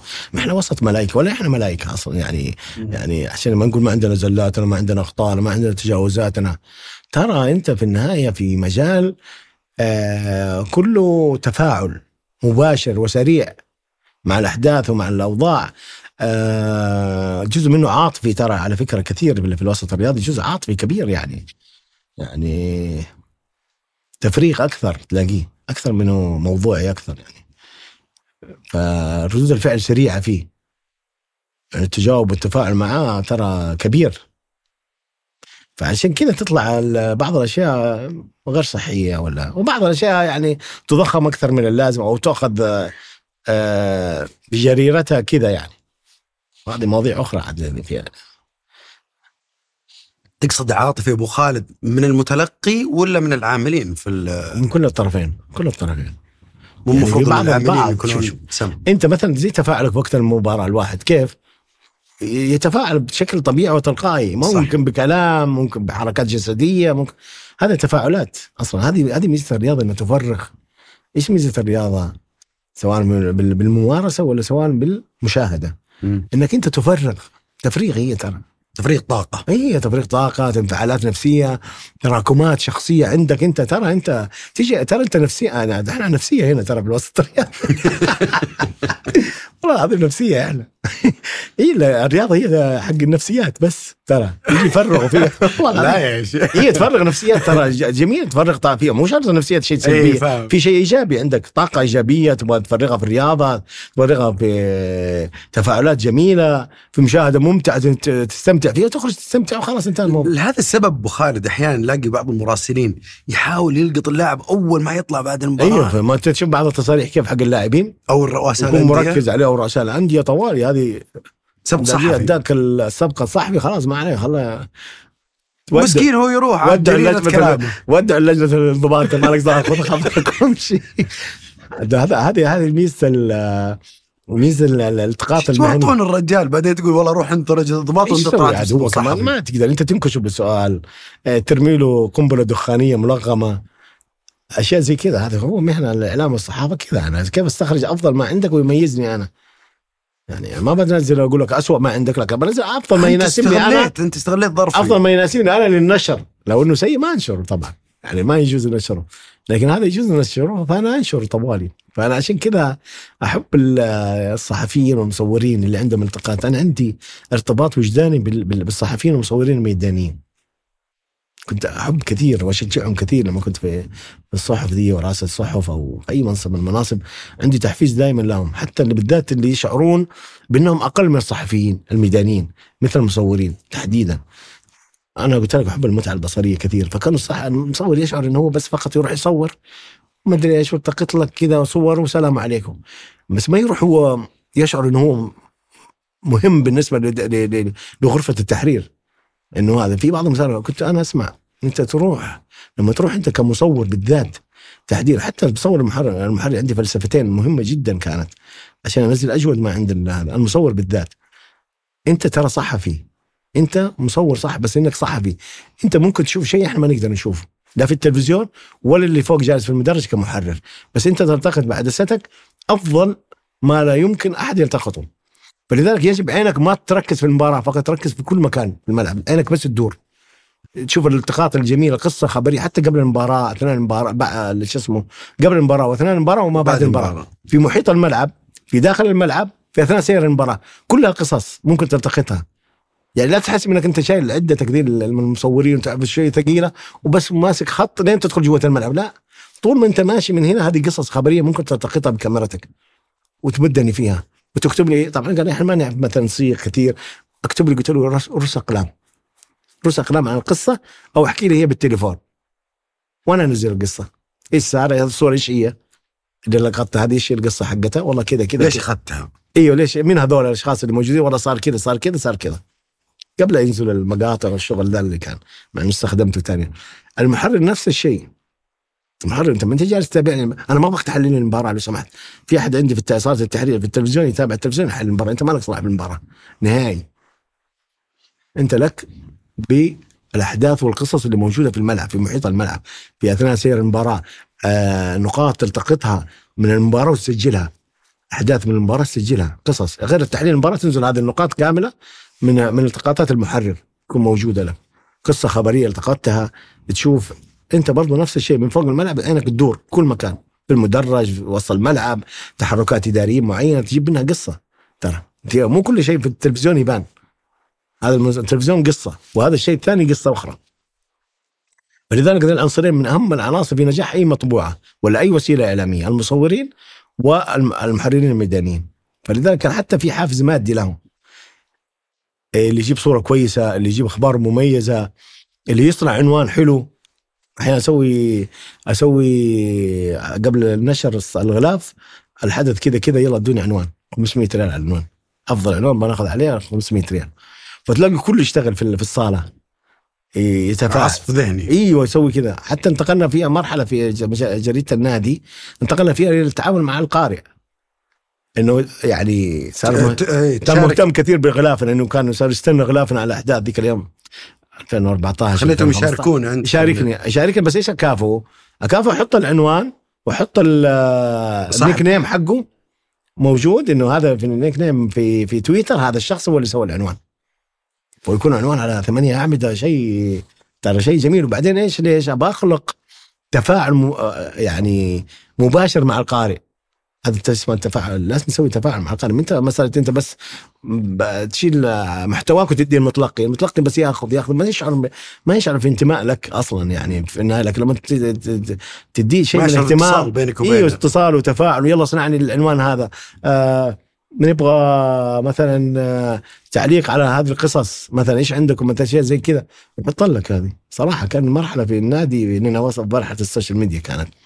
في فترة 2013 14 15 كان مرحلة جميلة وكان آه، ما شاء الله يلاقي متابعة كبيرة الغلافات وكانت عناوين جميلة كان لها إلى الآن الناس بعض الناس تتذكرها. كان شوي من الجنون في في بعد الرياضي مرحلة الرياضي هي أعظم مرحلة عندي صراحة. طيب آه، خلني برجع شوي. أنا وياك لما قلت أنت إنه اللاعب ولا رئيس النادي يصرح بعدين أنت طبعا آه، يروح هو لجنة الانضباط. إيه طيب الإعلامي وين يروح؟ وش مرجعية الإعلامي؟ والله هذا سؤال كبير. هذا السؤال اللي نفسي ألاقي له إجابة إنه ما ولا صحفي ولا إعلامي أعتقد يقدر يجاوبنا على السؤال ده. قد طرحت عليه مقال موسع في هذه الناحية من يعني اسال أي نحن لو تسوي استطلاع مباشر دحين تروح لهم في الملعب في أي مباراة. من مرجعيتك؟ هو تايه هو مو عارف ولا أحد قاعد يعرفه مثلا. ما لك من حقوق وما عليك من واجبات. هذا مهم جدا. الانتماء لكيان يعني يعني يهتم فيني أنا كصحفي محترف يدافع عنك وياخذ حقه صحفي محترف غير التنظيم الإعلام هذا شيء آخر بشكل اطاره العام. تنظيم الإعلام ينطبق على الجميع. طالما إنك في الإعلام سواء هاوي سواء ناقد سواء كاتب سواء هذا الإطار العام. تحت المظلة أيوة. العامة. لكن إنك أنت آه كصحفي محترف والله تايهين حقيقة. أنا أتكلم مع عني وعن مجموعة يمكن أشعر إنه ما في ما في أحد قاعد يهتم بهذا هذا الصحفي أو الإعلامي معنا صح. المحترف اللي هو سواء صحفي سواء ناقد سواء كاتب آه ولا لا لا نحي الكتاب حقيقة لكن صحفيين ومصورين وكل دول اللي في العالم هذا هو متفرغ لهذه المهنة. منتمي لمؤسسات إعلامية من بداياته إلى اليوم. فجاه يلاقي نفسه معلق في الهواء. طيب المؤسسه الإعلامية هذه ما لها مرجعية؟ إلا مرجع طبعا معروفة جميع طيب. وهي الإعلام. بنفسها مرجعية لا أتكلم عن الصحفي الرياضي أنا. أنت قصدك بعد ما يترك المؤسسة؟ الصحفي الرياضي. لا في المؤسسة مثلا. مؤسسة رياضية. أو دحين دحين ما عاد في مؤسسات أصلا. انتهى. قضي على هذه الإمبراطورية. كان صرحا من خيال فهو إمبراطوريات إعلامية كبيرة. يعني أنت مجرد تدخل المبنى هذا أصلا يبغى لك وقت لأنه يسمح لك تدخل هذا المبنى. المؤسسات العملاقة والمهيبة هذه اللي كانت موجودة. الان يعني صرح وهوى. لكن نتكلم اليوم الناس في مجال بأشياء يعني يحتاجون اهتمام أكثر. إيه، إحساس بالانتماء إلى إلى إلى إلى كيان فعلا حريص عليهم صراحة. أش أكثر شيء أنا أنا أتكلم عن نفسي خليني عشان لا أحمل أحد غيري يعني. مم. خليني أنا أحمل الاسيه يعني أشعر إنه حاسب أكثر من كافئ أشعر إني أنا تحت مقصله ال- العقاب والزلة انتظار الزلة ولا العقاب عشان أحاسب أكثر من مسألة والله الاهتمام. بيك أنت كصاحب محترف كمنتمي لهذه المهنة كأشياء. اشعر كل طرف مرتبط في الإعلام الرياضي. يمكن أربع جهات كانت مرتبطة في أول وزارة الإعلام وهيئة الإعلام المرئي والمسموع وأحيانا وزارة الرياضة كانت موجودة. بعدين صار ممثلة في في في في هيئة الإعلام النشر بعدين صار في الاتحاد الإعلام الرياضي. كلها أنا أرى إنها ما أعطت الإعلام الرياضي كثير من المفترض انه يعطى حقيقة. اللي هو الصحفي الرياضي يعني ليش أنا أتفرع على هذه الجهات كلها تحاسبني؟ طيب أنا مين أنا بالضبط؟ مين المسؤول عني؟ أنت يا صحفي أنت تقول الصحفيين كلهم أوكي الصحفيين كلهم لهم إطار عام. لكن صاحب الرياض ما له. وش اللي خلاه مستثنى؟ والله شوف هو تشعر إنه في تنازع على تملك ال- القرار اللي في في في تسيير القرار على حول الإعلام الرياضي الإعلام الرياضي.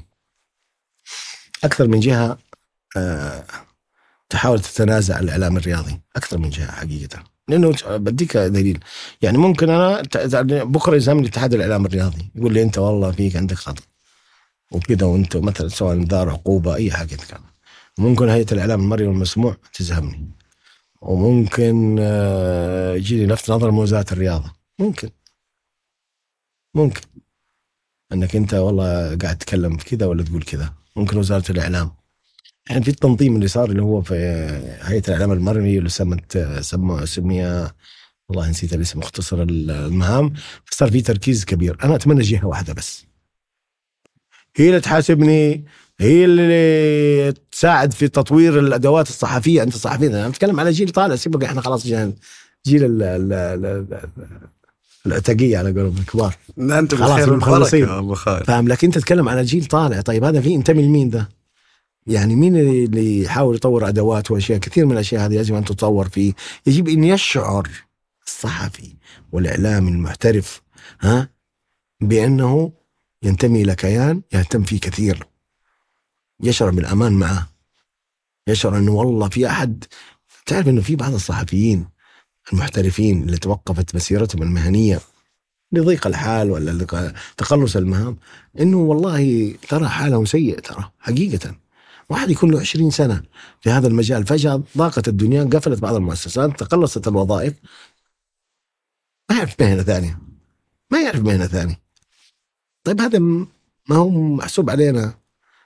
يعني هذا من ضحى ب 20 سنة من عمره في خدمة هذه المهنة في هذا في هذا المجال.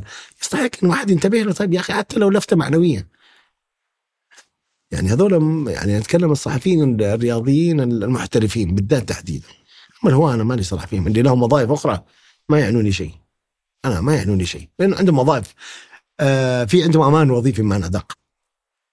لكن الآخرين ولما تقلص الفرص عليهم كثير حتى في على مستوى البرامج على يعني أنا إيش أقول لك أنا؟ يعني ممكن آه، في صحفيين حقيقة أهملوا. صحفيين إيش عفوا؟ أهملوا. أهموا آه أهملوا. أهملوا. أوكي. طريقة مباشرة غير مباشرة متعمد غير متعمد الله أعلم. لكن مهملين. ومتعمد إقصائهم. أنا بف... أنا بخير الحمد لله.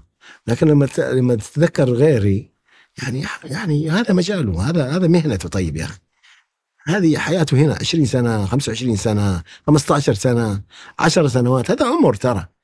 ما يعوض يعني بسهولة جدا. فجأة يجد إنه هو رب أسرة في في في على على قارعة ال- الإهمال وعلى قارعة النسيان وعلى قارعة ال آه، لا لا لا لا, دخل ولا أمان. يعني شعور مرة صعب مرة منه. ممكن أن تتاح له فرصة. إيه. تتاح له فرصة. ما هي ما شاء الله تبارك الله المنابر كثير والقنوات تعددت وال ليه أنا ما اساعده أنا أنا. أوكي. هي جهات قد تكون ما هي ما هي رسمية. ربحية أكثر. ربحية. بس أقدر أساهم أنا. أقدر أساهم. يعني بأي جانب من هذه الجوانب إن أنا أوفر لهم مثلا وظائف يا أخي تستر الحال. بالنسبة لهم. يا أخي تفرق ال 2000 والثلاث والاربعه والخمسة معاهم. شيء أحسن من لا شيء. مسألة والله لا. وبعض البرامج حقيقة أنا أتكلم عندها أجندات. عندهم أجندات. في قنوات وبرامج عندها أجندات. هذا يجي هذا ما يجي. هذا نبغاه وهذا ما نبغاه. ما هي مسألة معايير. لا مسألة شخصي. عند من يملك القرار إنه هذا يجي وهذا ما يجي. هذا نبغاه وهذا ما نبغاه. أنت لو تبغى تيجي بعض البرامج عليك شروط ترى. هذه الأشياء ما تتكلم عنها. ما تنتقد كذا ولا تنتقد كذا بعضهم زي كذا وليش ما تتقيد بالشروط؟ ما قلت مقيد أنا جيت تدخلني برنامج تقول لي أتكلم على حاجات طبيعية في آه تتخذ قرارات في من لجان ولا من هذا وتقول لي لا تتكلم على فلان ولا على مثلا يعني. أو لا تتكلم عن اتحاد كرة أو لا تتكلم لا لا حبيبي اتحاد كرة ده معنا رأس وريشه مع احترامي له. معنا رأس وريشه أهم جهة في صناعة كرة القدم السعودية. ما في تقول لي ما ينتقد. ولو فوق النقد. لا مكوناته كلجنه ولا رئيس اتحاد الكرة بنفسه كمان. مع احترامي ما دام إنك جاي تعمل يجب أن تنتقد، لجان تكلفت فيها ومسألة عندها يجب أن تنتقد، رئاسة نادي استلمتها يجب أن تنتقد، إدارة كرة استلمتها يجب أن تنتقد. ما تجي تقول لي والله اللي أنتم تنتقدون ده أنتم مركزين على ده وما تنتقد أنا ما أحب الأسلوب ده. لكن أنا رجل ما أتجاوز عليك. أنا أنتقد انتقاد. أنت ما تبغى الانتقاد هذا عاد شيء شأن آخر لك. وهذه يعني قضية أخرى إنه مثلا في بعض الصحفيين محترفين إنه أنا اتضحني في قائمه يعني أنت إيش يعني إيش تبغى بالضبط؟ أيوه إيش تبغى أنت بالضبط؟ هل تتعمد انك تجلس الصحفيين المحترفين في بيوتهم مثلا؟ طيب إيش مستفيد أنت؟ ليش الحد الإقصائي أو التعامل الإقصائي ده؟ ليه ما في نقطة التقاء؟ يعني أنت اليوم في بعض البرامج قاعد يقدم من هم عندهم أمان وظيفي على حساب إنهم ناس ما عندها أمان وظيفي إلا مهنه الصحافة والنقد ولا اللي هم شغالين فيها. مؤسف ترى هذا شيء مؤسف حقيقة ان أنا اليوم أشاهد ناس يعني ما تفرق معها أنت اليوم بكرة وقفت ترى مو فارقة معها. آه عادي السلام عليكم. شهر شهرين ثلاثة وقفتني ترى عادي أنا عايش عندي الحمد لله أنا وأسرتي بخير عندنا أمان وظيفي. لكن هذا اللي يشعر بالخطر مين؟ الصحفي المحترف أو الناقد المحترف أصلا اللي هو من من المهنة أصلا صحفي هو أصلا فجأة يلاقي نفسه أنت لو وقفته ضرر ضرر كبير جدا ضرر كبير وهذا شيء مؤسف حقيقة اللي يتعرض الصحفي المحترف لايقافات بالطريقة هذه ووقت طويل طيب أوكي وبعدين فين أكل عيالي؟ فين أصرف عليهم؟ إيش أسوي أنا في حياتي؟ صراحة نتكلم اليوم على يعني مثلا جيل بيطلع لازم يشعر كمان هو بالأمان إنه جاي. مهنه ترى تقلصت الفرص فيها مع السوشيال ميديا والأشياء كثير يعني يبغى لها آه، أدوات أخرى. يعني فاهم؟ حتى لو جيتك بالأدوات الأخرى حتى لو جيت منتمي للسوشيال ميديا وجيت أنا أقدم اشياء زي كذا. آه، فيجب أن أكون عندي عندي عندي شعور بان في حد ورايا. حقوق وواجبات بيننا متبادلة. إنه أشعر أنا أنا جذوري هنا منتمية. أشعر إن أنا معلق في الهواء كصحفي رياضي. معلق في الهواء صحفي الرياضي السعودي معلق معلق في الهواء بالذات المحترف. أسهل واحد ممكن تسحقه. لما تهمله وتبعد عن الأشياء اللي هي يعني تعتبر منصاته يعني هو فين بيروح؟ يعني في النهاية فين بيروح؟ ملعبه قصدك فين يروح طيب؟ هي انت وقفت على الصحفي يلا ولا اهملته ولا ولا حطيته في أجندتك في قائمتك إنه هذا ممنوع ولا غير ممنوع، طيب فين يروح؟ فين يروح؟ عند مين؟ يشتغل فين؟ إذا تقفل هذه الأبواب كلها قدامه. في ناس يعني صراحة أحيانا تعرفهم يعني تحزن على مواقفهم ولا يكونوا انه في حال زي كذا والله العظيم يعني أنا أعرف حالات كثيرة وأعرف ناس من الزملاء زي كذا أخي يعني يعني أنت تشعر بالخطر. أنا أنا شخصيا أشعر بالخطر أحيانا. طيب. أنا الحمد لله يمكن الله يفتح لي أبواب كذا ويسهلت كلها تسعين ترى من الله تجي. في ناس تقفل وجهك بيبان وفي ناس تمنع عنك أشياء وما تبغاك تكون هنا ولا تبغى تكون هنا ما ما هي مشكلة. ترى اللي بيرزق الله ترى في النهاية. ما أنت ما في شيء. أشياء. إذا أنت بتتعمد تتعمد إنك أنت تقصي بهذه الطريقة المؤلمة لشخص هو هذا مصدر رزقه لا تجيني في مصدر رزقي يا اخو تعال أنت بتحاسب على شيء تحاسب. لكن لا تجيني في مصدر رزقي. وتعرف إن هذا رزقي ورزق عيالي أصلا. شغل عندك نظام طبقه. بس. لكن عندك مزاج لا تطبقه. ما إحنا على مزاج أحد. يعني ما إحنا مزاج أحد. في معايير نظام ينطبق موس على كل الرؤوس أهلا وسهلا مرحبا. أما والله في عندك مزاج معين لا. هذا ايذاء أعتبره. ايذاء للنفس لل- للمعنويات لل- في الشخص في رزقه ايذاء هذا يعتبر ما هو إقصاء إقصاء سلبي خطير هذا ترى إذا إذا وجد توجه كذا في بعض البرامج هذا ايذاء مباشر أنت حر أنت أختار اللي تبغاه بس بدون إيذاء يا أخي ليه تقفل علي كل الأبواب؟ ليه تبغى تقفل عليه كله؟ أنت يعني إلا تبغى تجلس آه، صحفيين في في بيوتهم يعني؟ يعني اللي يجي ياخذ فرصة يعني ما ياخذ فرصة ما يصير يعني. في ناس يعني حالها ما هو كويس صراحة. يعني تقلصت الفرص الوظيفية تقلصت المؤسسات الصحفية. اغلقت كانت يعني صراحة أسماء كبيرة كانت موجودة يعني تشيل مؤسسات صحفية مختلفة. يعني هنا في جدة عندك العقاض وعندك المدينة وعندك ال- البلاد مثلا. هذه مؤسسات موجودة هنا. الشركة السعودية كان هنا اللي موجودة مكاتبها اللي أشياء كثير موجودة كان. أسماء كلها تقلصت الآن. طيب هذه يعني بعضهم تستحق لفتة حتى الحين في الفترة الأخيرة مجموعة من ال- من الأسماء وأشياء زي كذا كانت موجودة في ال- بالهذا شوية برا ال- المشهد. ما في جمعية؟ جمعية الصحفيين إلا في سيدة. طيب. هذه ولدت ميتة هذه. أوف. هي ولدت. كيف؟ هذه آه، هذه ولدت ميتة للأسف صراحة. جمعية الصحفيين ولا؟ آه. أوه الليلة كبيرة صارت عليها. في الأخير آه، ما بقول كلام لا تتحاسب عليه بعد. والله لا ليه تفش ما قامت لا ولا يعني؟ تمشي صراحة في ال... في في شأن الصحفي. صراحة. لأنه وجدت صراع كثير. هي تبغى تكون مسيطرة على كل ال- ال- الصحفيين بشكل عام بكل تنوعاتهم. وفي ناس لا تقول لك لا ذول الصحفيين ال- الرياضيين لا المدري مين. يعني فاهم؟ فهي يعني أنا هي ما ولدت بمعايير واضحة؟ طيب. جمعيات وانتخابات و... طيب. وكلام كثير ولدت فيه. لكنها ولدت ميتة. إلى اليوم موجود. هي بس ما ما لها قيمة يعني كثيرة في في في قيمة لص- بالنسبة للصحفي يعني أقصد. أنا ما أشعر أنا ما أشعر أنها خدمتني كثير رغم أني انتميت لها ولا سوت شيء ولا شيء. ما في كل الصحفيين يقولوا الكلام ده حتى. مو بس فقط رأيي أنا. على مختلف توجهاتهم إيه، سواء كانت إيه، رياضية. أو غير رياضية. لا خلافات كثيرة و... وكان في أول أظن رسوم تدفعها عشان تحصل على البطاقة وتدفع الرسوم وكل شيء عشان تنتمي لهذه ال- المؤسسة ال- ال- أو هذه الجمعية عفوا بعدين ما ما ما لها دور عشان كذا أتكلم أتكلم بخصوصية كثير على الصحفيين الرياضيين أما الصحفيين بشكل عام فهم كثر حتى مشاكلهم كثيرة يعني. أبو خالد أنت قلت إن الوسط الرياضي أشبه بعرض مسرحي. فين قلت الكلام ده؟ في مقال أنت كتبته. أنتوا جالسين على الواحده ولا إيه؟ إيوه استمتع بالعرض لا تدقق كثير يعني. أنا هذا اللي اقصد يعني.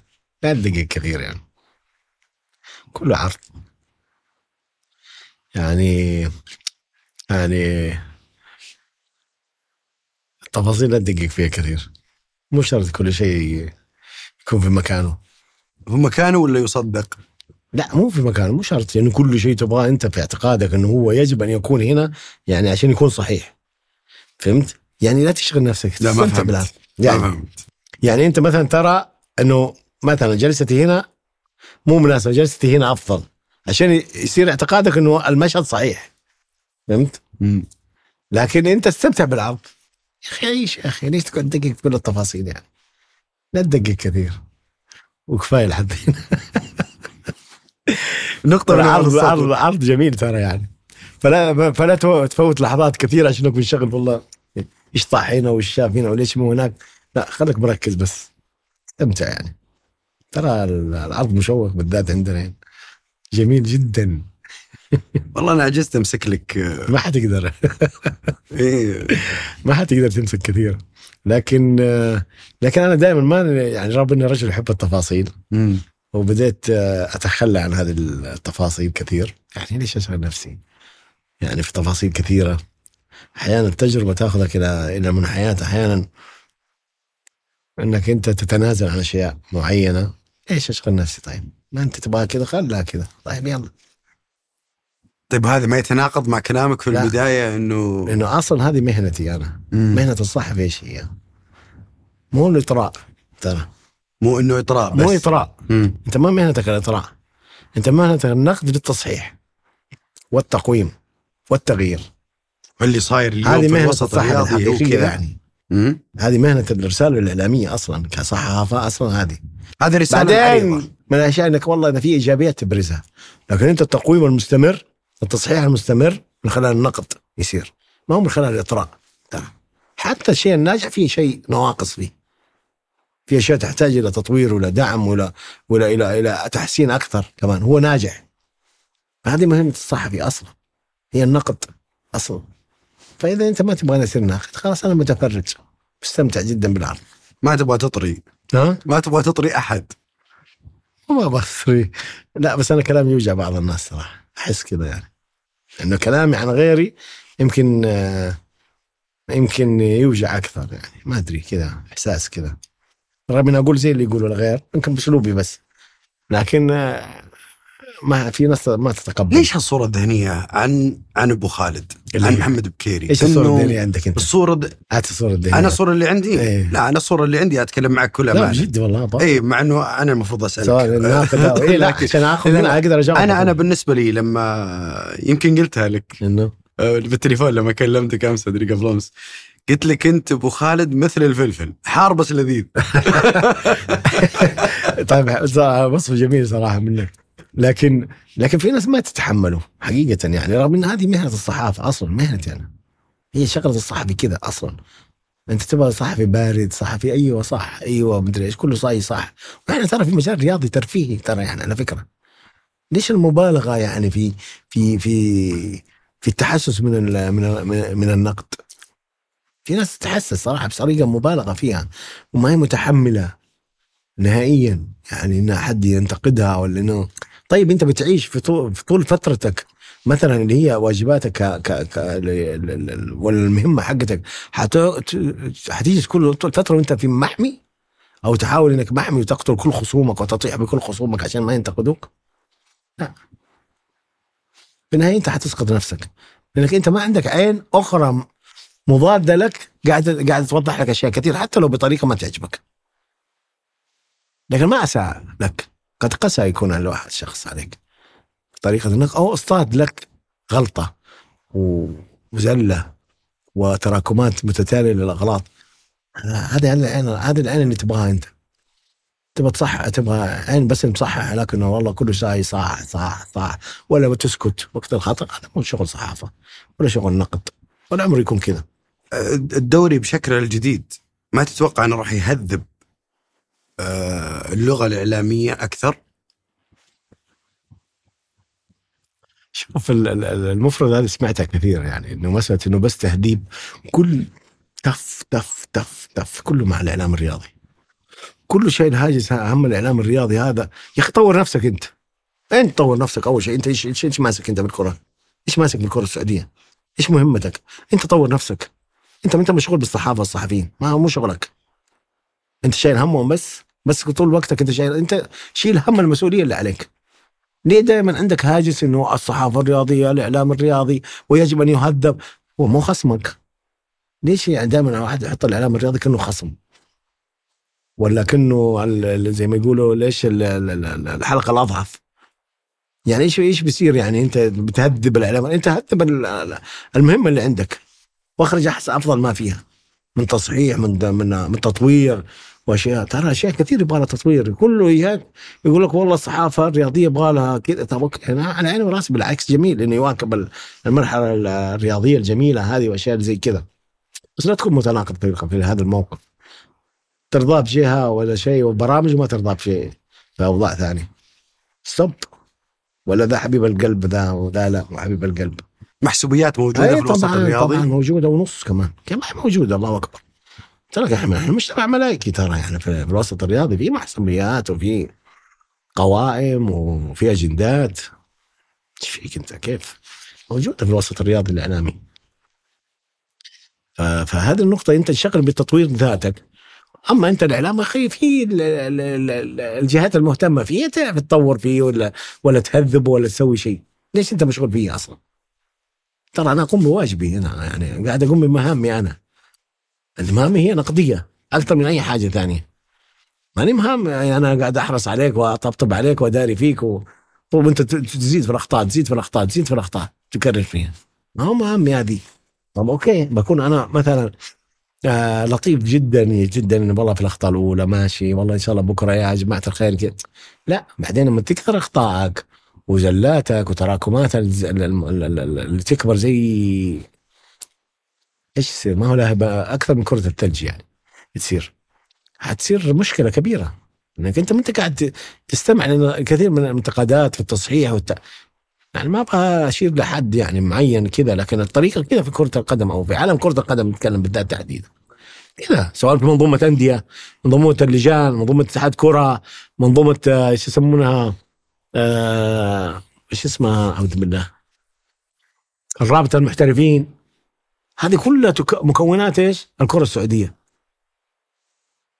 وأنت كمان في النادي صحح نفسك ووضعك. في اللجنة شوف لجانك وطريقتها وتعاملها كيف مع مواقفها في التباين مع في القرارات والتعاطي معها من موقف إلى موقف رغم تشابه المواقف. تباين القرارات مع تشابه الموقف. هذا كمان يلفت النظر في الساحة. إحنا لا بكم ولا ولا ولا عمي حتى ما نشوف الشيء ويتعلق عليه يعلق عليه. اتحاد الكرة ولجنة المنتخبات وكيف تدير منظومه كرة القدم والمنتخبات السعودية وتطورها. أشياء كثير. يعني في أشياء كثير هذه هذه هذه هذه هذه الروح المهمة جدا في في الرياضة السعودية. هذه هذه المكونات هي المهمة جدا. اتحاد كرة ولجانه من الرابطة المحترفين من إدارات الأندية ومنظومتها في في في إدارة النادي. هذه كلها مكونات مهمة وأساسية ترى. أنت مشغول في الإعلام ليه؟ خايف من الإعلام؟ أشتغل صح؟ ما حد بيجيك بالعكس كل الناس ترحب في في عملك الناجح. أما إنك أنت تقول والله ذول الإعلام متى يهذب الإعلام. طب أنت أعمالك كثيرة ما هي مهذبة أصلا كتهذيب يعني الخشونة اللي فيها أو الأخطاء اللي فيها. في في في في في كثير من اللجان صراحة موجودة في أندية في طريقة إدارة. إحنا إحنا في ورطة ورطة الإدارة. الأندية ولا سواء في الكره السعودية إحنا ورطة إدارة. ترى عندنا مشكلة إدارية كبيرة صراحة. مشكلة كبيرة إدارية يعني. ال- ال- المشكلة في إيه، يعني في في المنظومات الإدارية أخطر ما فيها أن يكون الثقات أكثر من الخبرات. الثقات أكثر من الخبرات. من الخبرات. يعني اللي تثق فيهم. أنت فيصل ولا أنا واحيطهم بنفسي في إدارة النادي في اتحاد كرة في أي مكان. يعني اتكلم بشكل عام. يكونوا هم العدد الأكبر من أصحاب الخبرات اللي هم ممكن يديروا هذه المنظومة ويطوروا في أدواتها ويحركوا في اذرعتها بشكل إيجابي وخطوات سريعة. هنا الخطر ترى. وكلهم ثقات ثقات ثقات. يعني طيب مين مين اللي بيديك ال- الصح؟ مين اللي بيقول لك stop؟ هذه غلط. لا يا جماعة نحن مع الرأي ذا إنه إحنا فعلا نروح نسوي كذا. فهمت علي؟ زي هذه النقطة مهمة جدا. الخبرات مهمة دحين اليوم إن هي تكون مو شرط إن نكون متفقين كلنا على رأي واحد لكن كلنا عندنا إمكانيات إن إحنا نساعد هذا المركب إنه يمشي للأمام. صراحة. هذا السبب اللي أحيانا لما يجي مثلا رئيس نادي ولا رئيس آه، جهة معينة ولا شيء في, الوسط الرياضي يشيل القديم ويجيب جديد؟ تشيل وتغير ما في شيء من حقك. أوكي. هذا من حقك. أجل وش اللي مو بس إنك؟ أنت لا تخلي التغيير فقط مسألة إنه هو اللي يشعرك بأنت بس فقط إنك حوالينك ناس ثقات اللي هم يعني معروفين لديك وتثق فيهم ويثقون فيك ولا يمكن إن هم يكونوا مخالفين لرأيك في هذا الاتجاه. هذا هنا خلل كبير حيصير في أي نادي في أي منظومة. في مرحلة معينة آه، محمد البكيري ما دخل هذه المنظومة من باب الثقة؟ إلا عندي ثقات بالعكس في بعض الأسماء أجيبها بس ما بس لا لا لا أتكلم أنت محمد بكيري دخلت بناء على أنه أنا جيت وجبت أستاذ محمد بكيري لأني أنا أثق فيه إيه جيت. ما إيه اعرف جيت. آه، إيه خبرته جيت بس هنا يعني أنا أنا أنا ما أدير أنا في النهاية ما اصدر قرار فهمت؟ بس أ- أكون أنا من بس ضمن من على ضمن المنظومه القرار. اي لا من ضمن المنظومه بس لما يكونوا الأسماء كلها غلط يصير فهمت؟ لما يكون ثقاتي نعم محمد بكير وفلان وفلان كلهم اللي هم المحيط. كلهم أصدقائي إيه وثقاتي. هم اللي مصد... هو اللي صنع يصنعوا لي قراري هذا غلط ترى صراحة. هو غلط غلط في النهاية. بس أنا ما أقول أنا في النهاية أنا أنا أتحمل مسؤولية القرار. يعني أديك رأيي أنا okay أخذت فيه أخذت فيه. لكن لما يكون كلنا المنظومه ممكن تكون ما هي اللي ممكن تجيك عكس الرأي. ممكن تجاملك ممكن تمشي لك لا okay لا والله كذا. لا مو كذا مو كذا ابدا. يعني هذا الأفضل لنا لأنه هذا كله يبغى له ال- ال- اللي صار النقلة الكبيرة هذه اللي صايره بالكرة السعودية وذروتها اليوم في ال- في المملكة العربية السعودية غير الاستضافات اللي هي كاس السوبر الحين كاس العالم للأندية الأحداث الرياضية كثيرة متنوعه فورمولا ملاكمة آه، راليات شيء ضخم ضخم قاعد يحدث في الثلاث سنوات حراك الأخيرة. هناك يا رجل. يعني أنا قعدت أقول يا الله الزمن ده لو يرجع كمان زي كذا ويكون أكثر. لا انت متجدد انت شخص يعني متجدد حلو كان يعني. ترى إحنا عندنا جيل صراحة حرم من أشياء كثير. حقيقة من المسابقات زي هذه وأشياء زي كذا. إنه هذا الشغف الكبير وأشياء كنا نشوفها صراحة أشوفها كذا بس كنت اتمناها عندنا يعني تكون هنا. يعني لأي سبب كانت في أسباب كثيرة تمنع. شوف أنا أنا سمعت هذه. يعني في المملكه لكن ال- اليوم التغيرات اللي سايرة العصرية اللي سايرة في المواكبه للعصر وللجيل و... ترى يعني أنا أحسد الجيل الحالي لا صراحة. لا على على أنا جيت على على النقطة أنا هذه الجميلة. فأنا دائما إيش أقول لهم لحظه لحظه ناصر. عشان لا تروح الفكرة. يعني تشبعوا. يعني التهموا هذه الفرص التهموا هذه اللحظات التهموا هذه الف... الحياة اللي حواليكم. ترى استمتعوا استمتعوا فيها. يعني أنتوا جيل محسود. والله أنتم اللي جيل محسود. ليه؟ أنا بعلم. أنت اليوم كجيل هذا اللي قبل شوي بقاطعك عليه. أنت اليوم كجيل تحس بهذه المتعة حقيقية. أنا أسمع ذا النغمة كثير. أنه الجيل الجديد اليوم ما نقول محسودين مغبوطين غبطة ومت... هم ما يعرفون قيمتها الحقيقية لأنهم نشأوا عليها. خلينا نفترض اللي خلينا نقول في ال في, ال في السبع ثمان عشر سنوات الأخيرة. الكلام عليك أنت اللي عشت هالمرحلة ذيك فتعرف قيمتها اي طبعا ما أقول صح لك ولا لا, لا؟ يعني في أشياء حلوة كمان شفناها إيه. ما أقول لك لا بس هنا لقاء سريع طيب اول متعة. أول إحنا لقائنا يعني هادي وبطيء أحيانا يعني ترى النقلات كذا تجي شيء وضيقة التنوع في أشياء اليوم انت في نسيج مختلف رياضيا. ما اول كان كرة القدم هي الاكثر استحواذا وأكثر اهتماما بشكل مطلق حتى. اليوم تنوع نسيج يا رجل إيش جولف إيش ملاكمة إيش سباق سيارات آه، فورمولا راليات آه، إيش كمان؟ تنس. تنس ألعاب مائية. آه غير كرة القدم سيب هذا عالم كرة القدم هذا لوحده قصة ثانية. حتمشي في ممر ذهبي فيه. من سوبر أسباني من كاس عالم دحين آه شرف استضافة كاس العالم أي كمان. يعني هذا. هذا الذروه عاد إيه هذا أنت تنوع الألعاب والأحداث وتواليها و و... و... وحدوثها في المملكة العربية السعوديه وتنوعها في عدة مناطق كمان. ما هو منطقة واحدة ولا شيء. ترى هذا تخلق نسيج مختلف اليوم في في في في وجدان الشعب في وجدان الجيل هذا اللي موجود. آه نقطة مهمة جوهرية في هذه إنها تشعرك. يعني وهذه النقطة كانت مهمة جدا الانتماء للوطن هذه بشكل عميق تصير. في عندك آه حاجة جميلة تدافع عنها حاجة جميلة إنك أنت تشعر إنها هي إنك أنت جزء منها. شوف الشعور اللي دائما صار يوصل عند الناس إنك أنت جزء من هذا المشروع ترى. أنت بالضبط جزء من هذا المكون الرياضي اللي قاعد يصير. ترى هو مو بس انك إنك أنت مشاهد له أنت جزء منه أنت تساعد على نجاحه. في حضورك في تعاملك مع الناس مع الضيوف مع الانطباعات اللي قاعد تتركها عند ال... عند عند الكثير من ال... الزائرين للبلد سواء جاي يتابعوا هذا الحدث أو من أهل الحدث هذا نفسه. تترك انطباعات إيجابية الصورة الذهنية دي مهمة جدا اللي قاعد تبنى للوطن والمواطن السعودي ترى مرة مختلفة. ترى جميلة قاعد تبنى بطريقة يا أخي أنا الايقاع السريع ده يعجبني مرة صراحة. أنا إنسان ممل آه، أشعر بالملل من أي شيء إيقاع بطيء. يعني ملول ما عندي صبر كثير أحب الأشياء تمشي كذا بأحداث سريعة ومتواليه يعني بدون عقد ما أحب التعقيدات الكثيرة في, في الأشياء. فالحراك الرياضي مذهل مدهش ممتع. فعشان كذا أقول للجيل يعني لازم تستمتعوا. أنا عندي بنت يمكن عمرها 20 سنة في الجامعة. ف آه، أحبها أن تكون غير إني ما كنت عليه أنا حقيقة.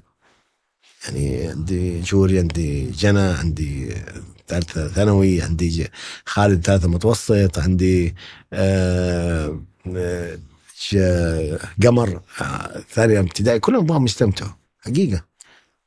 أعطيهم فرصة إنهم يستمتعوا بهذه الأحداث وهذه ال- الأشياء المتتالية وخليهم كل أسبوع أو أسبوعين يختاروا مكان يروحونه يروحوا حدث يشوفونه رياضي أو غير رياضي. ترفيه هو في النهاية كلها هي ترفيه. يعني حسب اهتماماتهم طبعا تكون. يجب أن يتشبعوا من هذه الأشياء. وانهم ما يشعروا إنهم هم يعني حتى الشغف عندهم للسفر برا ما عاد صار زي بذيك الكمية إلا فين وفين لتغيير الجو بس. ما هو انه هدف إنه والله نبى نروح نشوف سينما نبى نروح مثلا عرض ما أدري إيش ونشوف. لا صار في أشياء أحداث كثيرة حلوة في البلد. حقيقة سواء زي موسم الرياض هذا حد مرة في يعني نقلة نوعية. أيوه يجيك في في مماكن مفاصل. الأماكن اللي أنت تحتاجها. ومستمتع. شوف أهم شيء إنك تروح المكان تستمتع. في أي مكان في الدنيا. تبي تروح مكان تستمتع. أنا لما أروح أستهدف المكان كترفيه ولا شيء أبى أروح وأنا مستمتع. وأشعر إني دفعت وأنا مستمتع. مو دفعت إني أنا ما استمتعت. هذه مشكلة كبيرة تكون. فصار في مجال للمتعة أصلا. حتى المكان مو بس زيارة هذا ومشاهده الشيء. لا أروح أزور وأتواجد وأستمتع. المكان حلو. يعني الرياضة حتى هنا الجمهور يعني تعال مثلا في جدة هنا لما يجون أحداث وأشياء تلاقيهم يعبوا لك المكان طوالي. عندهم شغف عجيب صراحة في الرياضة آه، في المنطقة الغربية وجدة. يجون. حتى لو ألعاب جديدة عليهم أحداث جديدة يجون. يحبوا يتفاعلوا مع الأحداث ويحبوا يتواجدوا فيها. في ألعاب تصير في الصالة في الصالة الرياضية لل لملعب الجوهرة. أحداث رياضية ومناسبات عالمية موجودين. الناس. فهذا الحراك يعني حرض على على أنه أنتم يا جماعة استمتعوا فيه.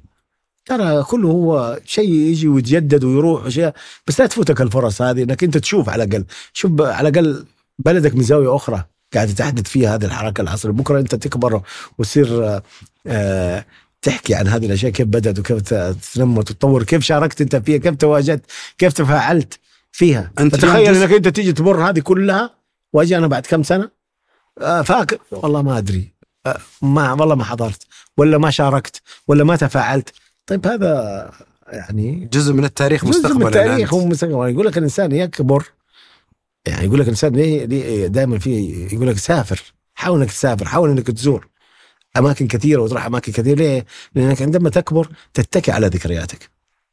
إنسان بلا ذكريات إنسان آه، معلق بالهواء.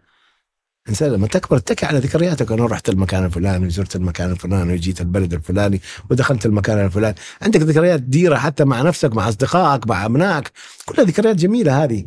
ترى أما إنسان بلا ذكريات وهذه واحدة من أجمل الأشياء اللي عندي يعني صراحة. أنا أحب أتكي على ذكرياتي كثير وأحتفظ فيها كثير، ترى أنا من زمان أنا أحب الكاميرا. يعني أجمع فلوس عشان أشتريها تجيني هدية وأصور أصور. أذ- ما أدري هي هي مع إن أنا أنا من ناحية نفسية متعبة صراحة. يعني عندما تشاهد ذكريات معينة وأشياء متعبة بالنسبة للإنسان. بس أنا أحب أخلد ذكرياتي واشيائي وأصحابي ومراحلي. أعيش عندي البومات كثيرة لنفسي أنا. فحتى كثير من الزملاء عندي في مراحل المتوسطة ولا ولا الثانوي ولا الأشياء لما أجيب الصور نتقابل ما زلنا وأجيب الصور يصدم في بعضهم. طلعت لهم اشرطه فيديو. يمكن في مرحلة الثانوي صدموا. طبعا حقي طلع الشاب فينا إحنا فلما أرسلت لهم هي على جروب معين بعضهم أرسلت لهم على المستوى الشخصي. طبعا عندي فيد- الفيديو كان أيام الاشرطه صغيرة فيديو طبعا يمكن ما يعرفون. كاميرات التصوير دي اللي كانت زمان الشخصية. كنت أحب أصور بالفيديو وأشياء زي كذا حتى وتخيل لها أكثر من 25 سنة تكون هذه ذكريات شنباتها ما كانت طالعة لسه. ورحلات معينة كنا في أماكن معينة. فعن طريق أحد أحد الحسابات تحول هذه الأشرطة إلى ميموري يعني أنا اعتبرت نفسي حصلت على كنز إن أنا لقيت أحد يقدر يحول هذه الأشرطة اللي ما أنا عارف اطلع ما عاد في كاميرات هذه ولا عاد في شيء موجود ولا في التلفزيونات اللي تشغل ال- ال- اللي زمان الشرايط ذي. إي ما عاد في ولا. طب أنا كيف؟ هذه ذكريات مدفونة ومهمة وأتذكر يعني أنا كاتب إيش هي ذي. كان بعضها كاتب عليها يا حرب الخليج عاصفه الصحراء ورحلات و... فيها كمية ذكريات الأشرطة هذه. ولما جاتني طبعا ارسلت للرياض كان المكان هنا في الرياض. ورجعت لي أنا كان أسعد يوم هذاك. وأشغلها طبعا في الممرات أشغل في اللابتوب وأتفرج في المقاطع وتصويرنا وضحكنا وكلامنا وسواليفنا والرحلة كيف كانت. فقمت أقصقص منها يعني بالهذه وأرسل عليهم.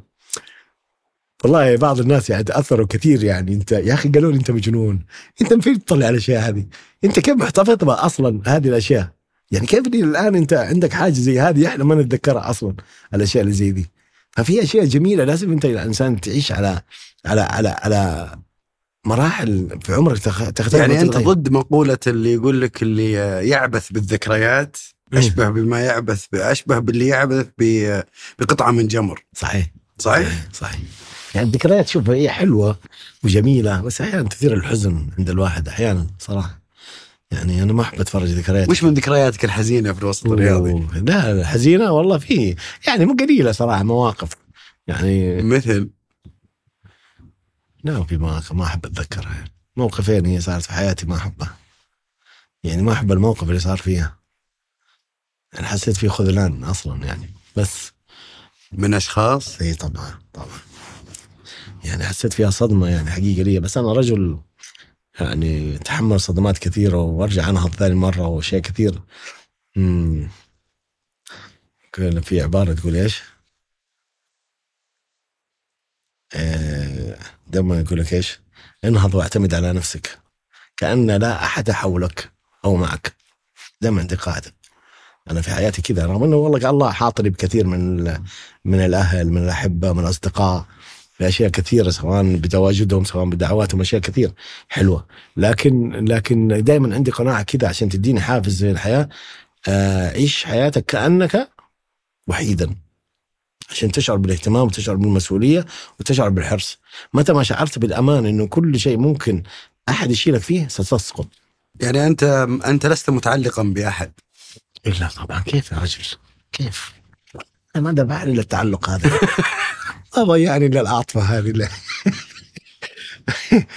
ر- يعني مشكلتي أنا رجل عاطفي جدا ترى. يعني أنا يعني واحد من الأسباب اللي ما خلتني أنشئ علاقات مع اللاعبين ترى أنا قليل إنشاء العلاقات محدودة. لو أكلمك على 30 سنة في المجال الإعلامي ترى لو أعدد لك الأسماء اللي أنشأت معها علاقة أو ساقط الظروف أن تكون في علاقة مباشرة كصداقة ترى يمكن ثلاثة لعيبة. أوف في 30 سنة أيوة، دي وش أيوة. معدل كل سنة؟ كل 10 سنين واحد في- خمس لعيبة خلينا نقول. يعني اللي فيه علاقة صداقة بيني وبينهم. لأني أنا أنا رجل يعني تحكمني الشيمة تحكمني ال- العلاقة والعيش والملح واشياء فمعناته ما أقدر أنتقدك أنا. يثمر فيك المعروف. هي طبعا. استحي يا أخي من الواحد يكون عيش وملح تخيل أصحاب وأنا في الليل والله ما أرحمك. ترى لو كتبت. يعني أنت تسوي حاجة غلط ما بقعد أداري فيك طول الوقت. ترى. طيب هذه قمة المهنية. إيوه. فأنا أحاول أبتعد عن العلاقات المباشرة دي وال- والعميقة. تكون في علاقات طبعا أقول لك في تواصل اشياء بس ما أحب تكون إيش؟ علاقتي كثير باللاعبين بالذات وكثير من الإداريين. يعني في ناس عندي علاقات فيه اشياء بس مو بتوسع فيه وكثير من الزملاء عندهم توسع كبير مع اللاعبين سواء في نادي معين ولا ولا شيء وإداريين و... طيب أنت كيف تنتقده هذا؟ أنا أستحي منه. يعني العيش والملح أحيانا. أنا رجل قلت لك الشيمه تحكمني أحيانا. يعني لكن أحاول أخلي حاجز أو مسافة عشان أقدر أنتقد. عشان أقدر أنتقد. فعشان كذا أنا أحاول أبتعد عن العلاقات أنت صحفي تف صحفي يعني مو هذا حاد. ما هو أنت لازم تخلق عالمك عشان تقدر تتحرك فيه. طيب ممتاز. هذا واحد من الأسباب؟ يمكن ساعدتني أتحرك في عالمي النقدي كصحافة أو ممارسة أو أو رئاسه تحرير أو شيء زي كذا هو فريق عمل كبير وتنتج آه، محتوى كل يوم قدام القارئ مسؤول فيه. إن أنا أستطيع إن أنا ما أكون مرتبط وجدانيا بكثير بالذات مع اللاعبين. آه يعني لأنه أنت لأنه تقصد لأنه محور الكرة كله مين؟ اللاعب. الملاعب تبنى عشان اللاعب الأندية تبنى عشان اللاعب القوانين توضع عشان اللاعب الجمهور يجي عشان اللاعب. كل شيء تشوفه في كرة القدم. بني ونشئ وأسس عشان اللاعب. لانك عرفت نقطة ضعفك فابتعدت عنها. طيب تخيل أنت تسوي نادي تسوي ملعب تسوي مدرجات. مم. وما في لاعبين مين بيجيك؟ ما بيجيك. لكن ممكن يكون عندك فريق وعندك لعيبة وتلعبوا بس في ملعب ترابي يجيك. الناس تتفرج عليك الأساس هو اللاعب. الإداري ماشي ال- المدري مين ماشي كله ماشيين. لكن أكثر واحد ثباتا وأطول عمرا هو اللاعب. يكون متواجد مع مع عمرك الصحفي إذا كان. طويل في ال- في المجال هو دائما الصحفي أطول عمرا من ال من ال من اللاعب. لاعب أحيانا يجلس عشان فلذلك أكثر ناس أحرص إني ما أتعامل معاهم بشكل مباشر وعميق وتواصل وصداقة وأشياء وهو يمارس كرة قدم كلاعب اللاعبين. فلذلك أنا أحاول أبعد عن هذه المكونات عشان أقدر أشتغل شغلتي ومهنتي آه، الصحفية سواء في رصد أخبار حوله أو ناقد أو تصريح ضده يمكن ينزل. صعب إنك أنت تقول والله ما نزل عشان ده صاحبي. لا صحبيته خليها برا هناك في المهنة. هذه صحافة وشغل ربحي وشغل أنا ما جاي أدور رضاك أنا. رضاك خليه برا ال- ال- العلاقة هناك برا ال- المؤسسة اللي أنا فيها أو المنصة اللي أنا ماسكها. لكن عشان كذا قليل أنا العلاقات يمكن برا عندي علاقات ثانية. ترى محدودة حتى في العلاقات الشخصية. ترى ليش الصحافة واحدة من من سلبياتها إنها تقضي على حياتك الاجتماعية بالذات الصحافة الرياضية. ليش؟ الصحافة الرياضية تبدأ من المغرب من بعد غروب الشمس إلى آذان الفجر. بالذات أنا دوامي كان دائما غالبا الساعة 4 الساعة 3 أكون متواجد مكتبي من يوم عرفت نفسي. من بعد الظهر تقريبا اثنين ثلاثة إلى منتصف الليل. سواء في مكتب نهاية الدوام أو ما بعد نهاية الدوام اجتماع الصحفيين ولقاء ومدري مين وتلاقوا تجمع مكان وكله هد رياضة كورة كل شيء. فأنت مثلا تخيل عندك مناسبة جواز ما تقدر تطلع. أنا دوامي مثلا من أربعة لين 12 فما يمديك تروح لا زواج ما أقدر أروح. زواجات كثيرة ومناسبات اجتماعية وعائلية وأسرية محدودة يمكن خاصة. اقسم بالله قضت عليها كثير من الأشياء هذه. ال- على خروج مع الأصدقاء إن يكون عندك عكس الموظف الرسمي مثلا اللي يداوم الصباح لين الساعة 2 أو 3 يستطيع أنه يرتاح في البيت يتغدى ويرتاح وينزل بعد المغرب يعيش حياة اجتماعية أخرى. الصحفي ما يقدر يعيشها. الصحفي المتفرغ لدوام ومهنه في مهنته ما يقدر. معروف عن أبو خالد مو هو بميول على الاتحادية عشق على الاتحاد. صحيح. نادي جميل صراحة. الاتحاد نادي شعبي جميل. بس نادي الوطن عد هذا اسم آه ما اسم. سماه الملك عبد الله نادي الوطن. أيام ما جابوا ال- البطولة ال- سموه نادي الوطن. في أسماء كثيرة. لا أنا أسميه المهيب دائما المهيب العميد المهيب والنادي المهيب. آه نادي له قيمة كبيرة يعني وجدانيا عندي أنا. أنا ترى الاتحاد يشكل جزء من شخصيتي حقيقة. يعني الاتحاد تأثرت فيه بانتماء له بسبب يعني تناكب بين خالي وخالتي. تخيل. عندي خال كان ذيك المرحلة مرحلة العشرينات في الثمانينات. وأنا صغير يمكن عمري تسع سنين ثمانية سنين يمكن أتذكر ذيك. okay. اتحادي وعنده مجموعة من الأصدقاء أربعة. غازي القحطاني والله ما انساهم أحمد أحمد الحربي غازي الله يرحمه. واحمد ال... وفيصل الرفاعي أربع أشخاص. وهو يحيى البكير الله يرحمه. دائما مع بعض. تخيل ولد صغير يشوف ذول الجيل اللي كان في العشرينات ويشوف شغفهم بالاتحاد وجنونهم. كان معهم مازدا حمراء ما أنساها شكلها. سبحان الله. دائما شالاتهم في العصر في الظهر دي معاهم. كل مباراة كل مباراة وحماس وشغف وشيء كبير جنان عندهم. وكان عندي من نفس ال- المناصق اللي بيت جدي خالتي تسكن هناك. وخالتي أهلاوية هذه. ففاز الأهلي ذيك السنة بكاس. وأنا أحب خالي حقيقة. متعاطف معاهم وكذا. متعاطف مع الضعفاء أنا دائما فكنت أشعر الاتحاد يعني ما له نصير يعني كثير. ما له القوة ذيك والأشياء. فقامت قامت هي في ذيك ال- ال- المناسبة وزعت بيبسي قوارير بيبسي طويلة قزاز كذا زمان في صندوق بنص. متوزع. وأنا والله أتذكرها كذا بنفسي يعني زي كذا هذا بابا هناك وأنا واقف هنا عند المو... سوق في شارع كذا عند ماسك بيت جدي نفسه. توزع مبسوطة هي على علينا كذا الصغار دول. قالت تعال يا محمد خذ خذ البيبسي. قلت لا أنا اتحادي. كذا عنادا معاها. أنا ما كان عندي انتماء حقيقة. يعني ولد يا الحين صبي. عرفنا إيش سبب عنادك. انت من أصلا؟ بالفطرة فقلت لا أنا. متعاطف مع خالي. مم. طبعا وإنه مقهور ومهزوم. وهذه فرحانة وتتشمت فيها. تتشمت في أخوها. أصغر منها هو كان. وأصغر اخوانها كانوا يعتبر هي أم عيال ما شاء الله عيال خالي. و- الله قلت لا ما أشرب. ما أبغى منك عندك شيء. أنا اتحادي زي خالي. قلت والله أنت اتحادي.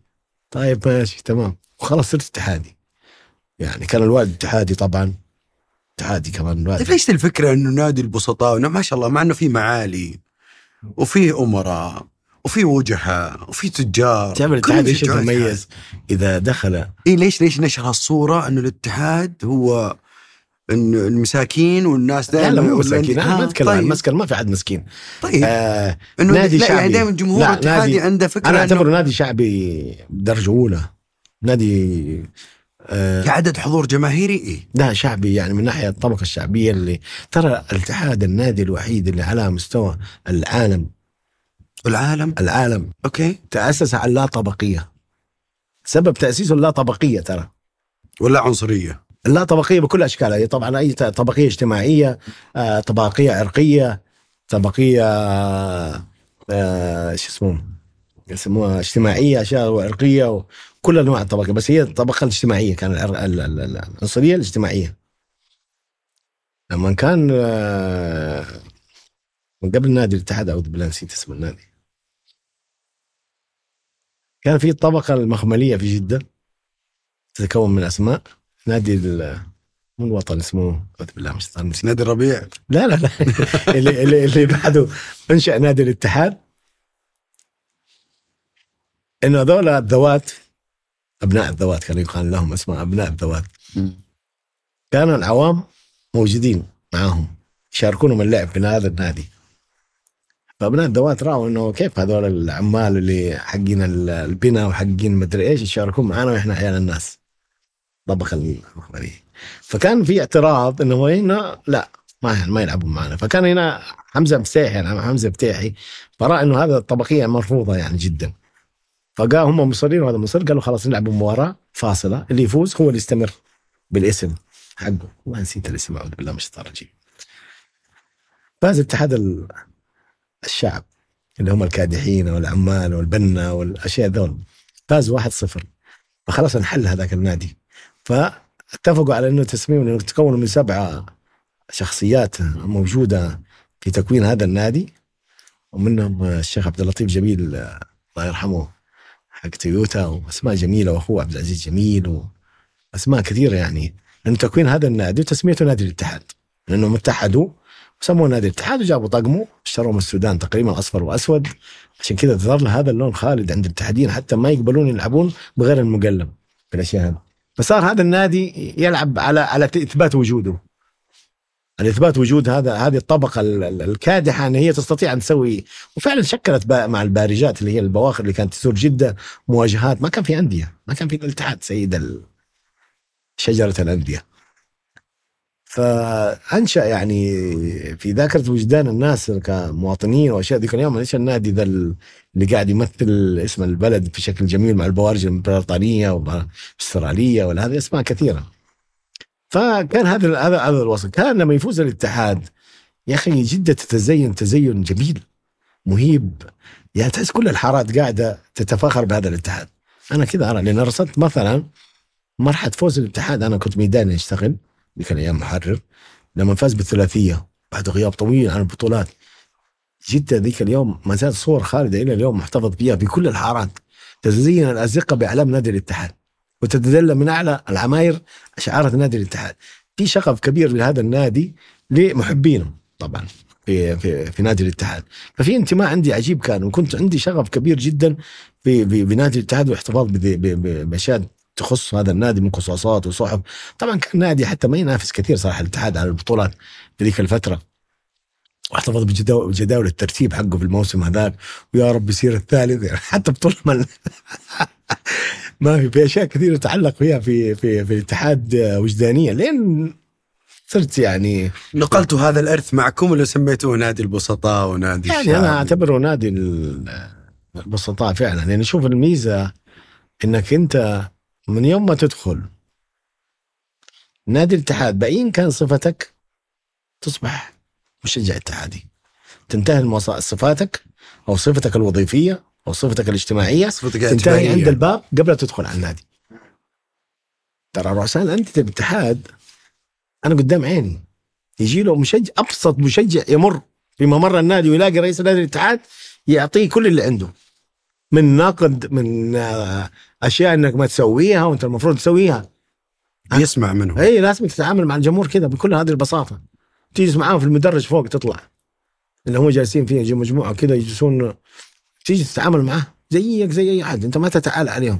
وش مدى تأثير عشقك للاتحاد على عملك الإعلامي؟ أي كثير أنا والله. في في دفعت فيه ثمن صراحة. يعني الاتحاد كان يستحق يستحق إنه كان أرى إنه نادي بقيمته كان يستحق, دائما إنه يكون آه، عنده جبهة إعلامية كبيرة يكون. وكان منتمين له كثير من الصحفيين. يعني المحسوبين عليهم كانوا انتماء اتحادي مرة هم سيادة الساحة كانوا في الإعلام. رؤساء تحرير ورؤساء أقسام و... ومدارس صحفية مختلفة ترى كثير. نزل منها الأهلاويين نزل منها نصراويين أو تخرج منها صح؟ مم. هم اللي كانوا في المنطقة الغربية الصحف كلها اتحادية. 99% 95% عشان لا نقول ظلمنا أحد فكان النمو من تحت عباءة ال- الصحفيين الاتحاديين. الهلال آه، تقريبا يسيطر عليه في الجزيرة والرياض ثمين آه، هناك. كانت هذه يعني واحد يقول لي ليه؟ طب هي ترى لازم في توجه في الصحافة. صحيفة بلا توجه منصة بلا توجه فاشلة فاشلة. توجه تقصد الميول. توجه عندك توجه. حتى على مستوى ال- ال- القنوات ومستوى ما عندك توجه ترى. حتى لو في موضوعيه لازم يكون في كمان موضوعيه بس عندك توجه. أنا أروح أتفرج القناة هذه لأن عندها توجه. اخذ الجريدة هذه لأن عندها توجه. اتفرج البرنامج هذا لأن عنده توجه. يعجبني. يملي غروري يملي النقص اللي عندي إيه، يكيفني. أي حاجة. أنا إنسان خليط من هذه الأشياء كلها. هذا الشغل يعيش لي دور المثالية ودور ال... إنه ما في منطقة كل شيء رماديه يا نموذجي. أبيض يا أسود. إيه مو بس الابيض ولا الاسود لكن صعب إنك أنت تحكم. كل شيء في إطار نموذجي. يعني لازم في في مثالي هي قصدك. مثال زيادة عن اللزوم. مش لازم في الاعلام توجه. طالما إنك إعلام ربحي ها؟ لازم يكون عندك توجه. موجه لقارئ معين موجه لمشاهد معين. شريحة مستهدفة. أيوه أنت لازم عندك أحد تستهدفه. ما تستهدفه أنت فاشل. أنت خاسر. كربحي. خاسر. وأنا فعلا لما مسكت في في في في, في الرياضي ولا في في في في النادي كان عندي توجه.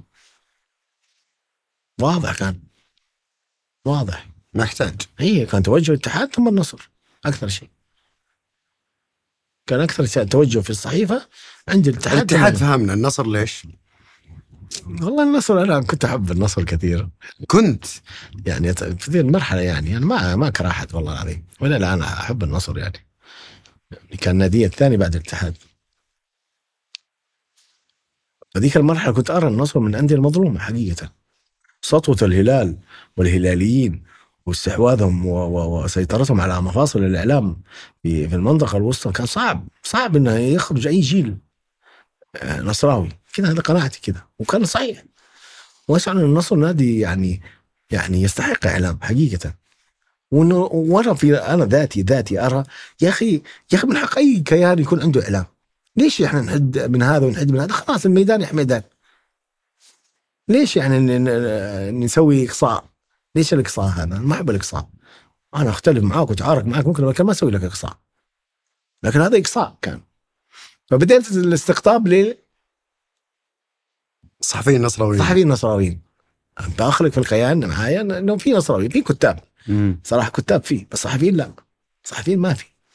في كتاب كتاب يعني موجودين كانوا. أنا أولا محمد الدويش كان كاتب و...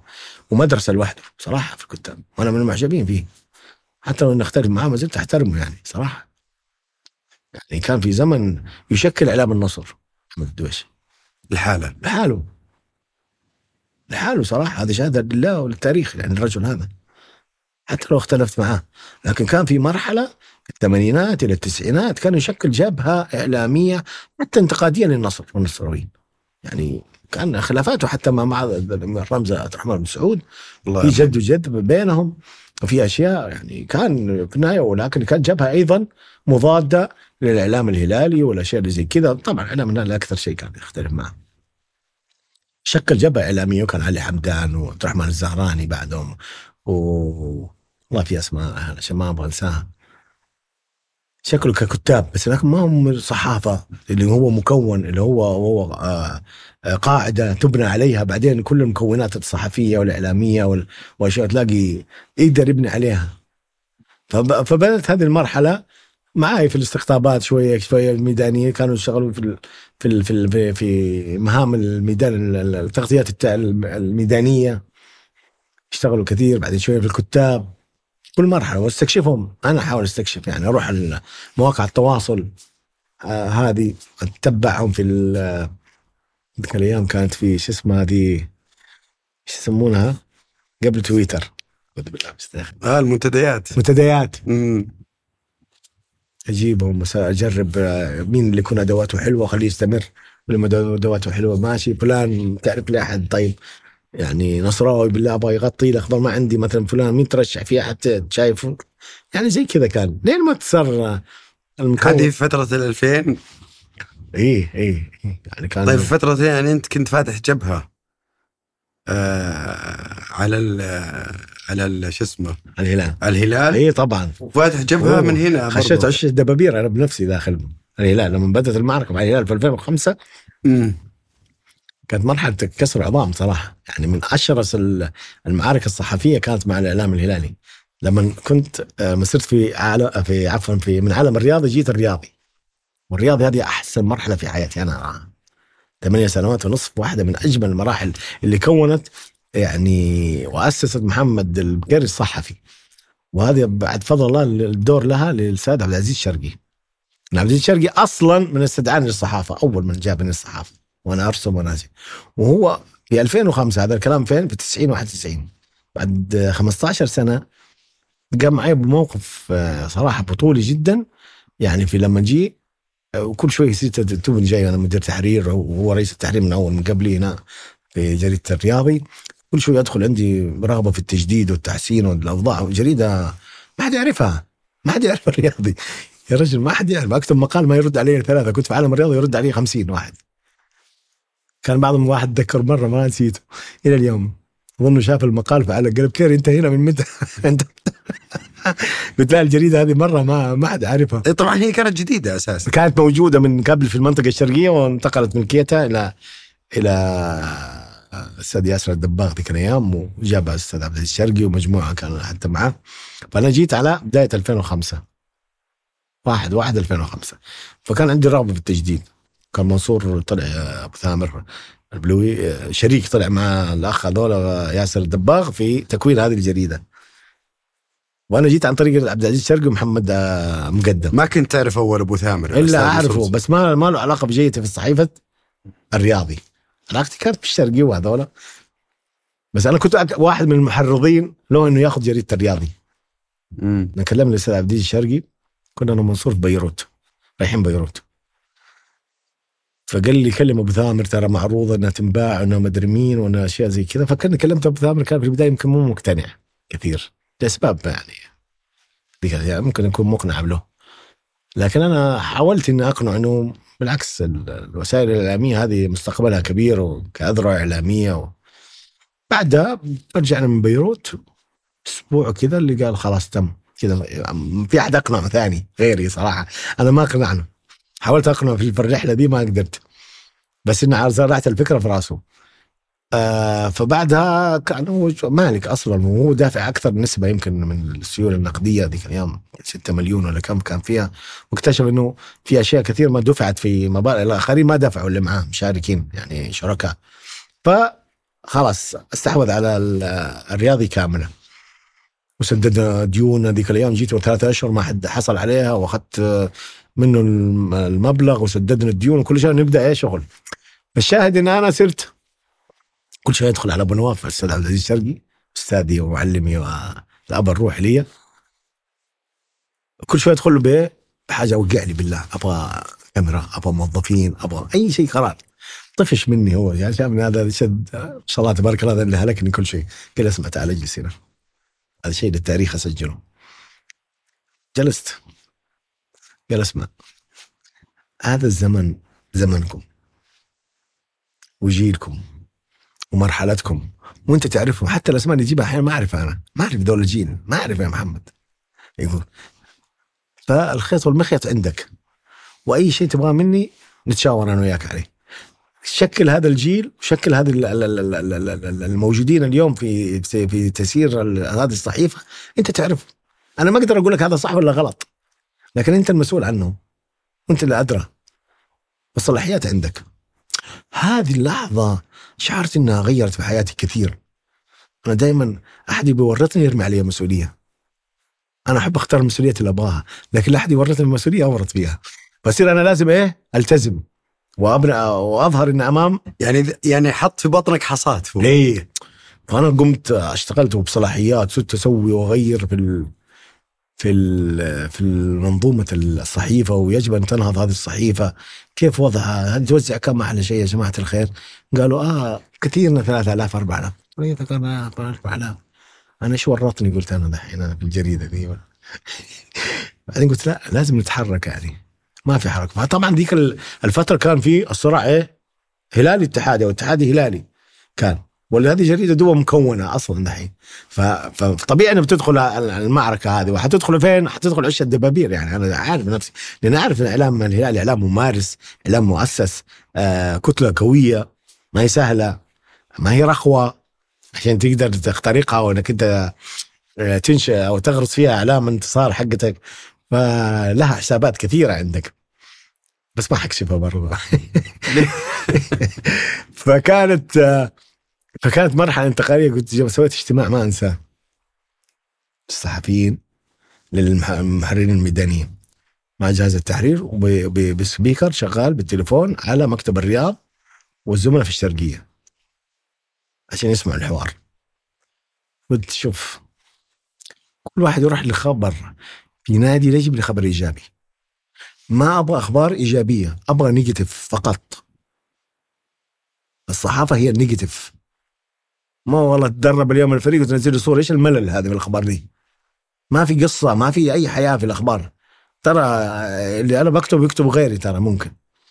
أبغى أبغى شيء negative أي شيء negative ترصده في النادي. أرصد شيء ميداني ضربت مثال قلت لهم حتى لو ما لقيت احد أضرب واحد كف أسوي قصة. يعني أنا بوصل لهم الفكرة إن أبغى شيء يشيل الجريدة هذه. ويقدم محتوى حلو يميز الجريدة هذه. فكان صراحة انطلاقة جيل جميل من الصحفيين المحررين الميدانيين آه، انطلقوا معايا صراحة ذيك المرحله ما انساهم. وبديت آه، كمان نقطة أخرى آه، بعض الكتاب كانوا موجودين من الزملاء اللي ذا خبرة يوم عرفوا إني جاي هربوا من الجريدة. ما أدري ليه. خافوا إن أنا بش... والله ما كنت ناوي إني أشيل بعضهم. لكن بعضهم خلاص وقف. يوم شاب محمد الكيري جاء قال بطلنا. كان بيجي منهم الزميل عثمان مالي فقط. وأنا من الزملاء اللي احبهم صراحة احترمهم واستمر معي سنوات بعدها. بديت قمت إيه؟ قلت يا ولد الحين أنا جريدة جديدة. بقعد استقطب فلان وفلان وفلان من أسماء الكتاب إيش أبغاهم؟ أسماء مكررة ومستهلكة. الجريدة طالما انها نهضة يجب أن تنهض بجيل جديد من الكتاب. حتى لو مو معروفين في الساحة بشكل كبير. فرحت صرت أروح المنتديات أجيب أسماء ما هي معروفة كثيرة أو ما هي مارسة وتستكتبها بس إنه. عندها ذائقة في الكتابة. وجميل كتابتهم. وبعضهم أروح المنتديات أدور عليهم أشوف اللي يكتب يكتب يكتب. بالله جيبوا لي هذا مين؟ طبعا تقول أسماء أسماء مستعارة؟ اي اي اي ومنهم مثلا إياد عبد الحي. هذا كاتب جميل اليوم إياد عبد الحي. كذا أسماء موجودة. مين هذا الفلان يا جماعة؟ قال اسمه فلان الفلاني. قلت خليه يجي. ابغاه هذا كاتب جميل. حيصير كاتب جميل هذا مع الوقت. وغيره من الأسماء. وكبرت الصحيفة في الخمس سنوات الأولى. تقريبا أو أول ثلاث سنوات صراحة الجريدة يعني كان متوقع إن هي أنا شخصيا يعني الخطة الاستراتيجية اللي بنيت ما بين ثلاث وخمس سنوات حتى تنهض وتبدأ تصير منافسة لكن تكون متواجدة في المنافسه في سنتين الجريدة هذه تحولت إلى أيقونة عند الجمهور. نوعية المحتوى التف هذا المباشر بالنقد ما في ريشة لأحد كله مقصوص أنت مسؤول أنت تنتقد أنت ايا كنت. وكانت دخلنا في صدامات النقد وصل الين حتى منصور بلوي؟ لا مو في كثير الرياضي؟ مو كثير لا. ناجح يا رجل أنجح رئيس نادي ذيك السنة. أنجح نموذج كان مقدم في الكرة السعودية نموذج راسد منصور البلوي. هو جايب آسيا مرتين ورا بعض وجايب نخبة لاعبين محترفين ومحليين وشيء عالم مبهر ومدهش كان ذيك الأيام. بس ما كان فوق النقد.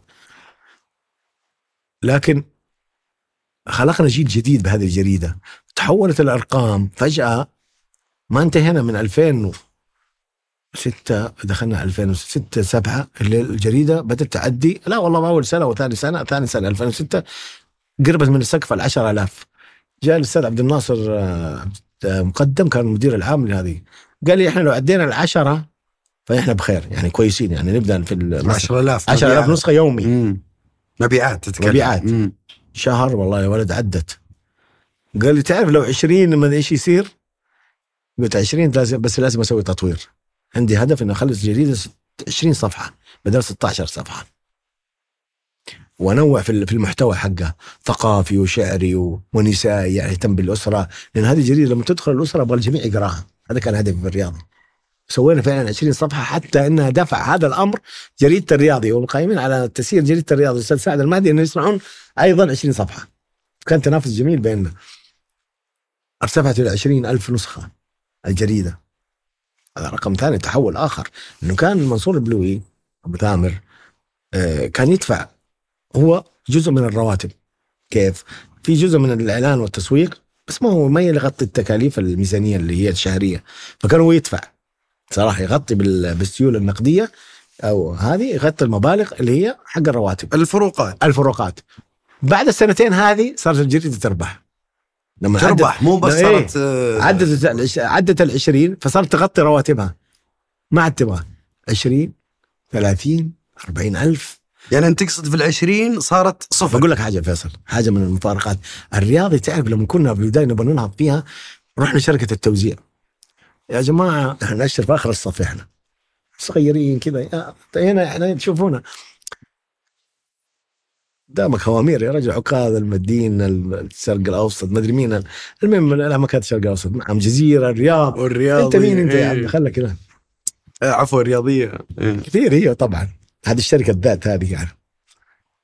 أهملونا صراحة ما ما أدونا اهتمام. مين ذا اللي زعق آخر الصف ذا خلونا لما بدينا صارت ال- المعركة الاتحادية الهلالية في الإعلام وبدأ اصدار أصبح القارئ لما يتوجه إلى نقاط البيع في السوبر ماركت والمحلات يسأل عن جريدة إيه؟ الرياضي. الرياضي.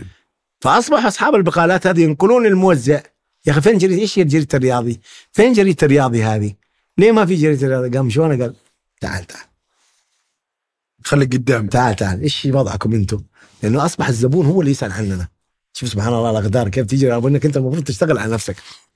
عشان يبقى لك مكون الاتحاد القوي جدا على المستوى الجماهيري وال وشغفه إنه يكون في صحيفة قوية له تمثل صوت وانت اخذت قوي. رغم إنه. قبل هذه في واخذت الهلال. كتسويق لك لا الهلال أصلا يعني قدر انت, أنت ما شاء الله. أخذت الهلال والاتحاد وهم لعبوا دور حقيقة هذه لا أنساها كمان نقطة مهمة ذكرتني فيها إنه ردة الفعل الإعلام الهلال وإعلامي الهلال بنخبهم بأسمائهم بكتابهم بمراسلينهم بدوا يردون عليك إيه، طبعا هم صاروا في البرامج يتكلموا.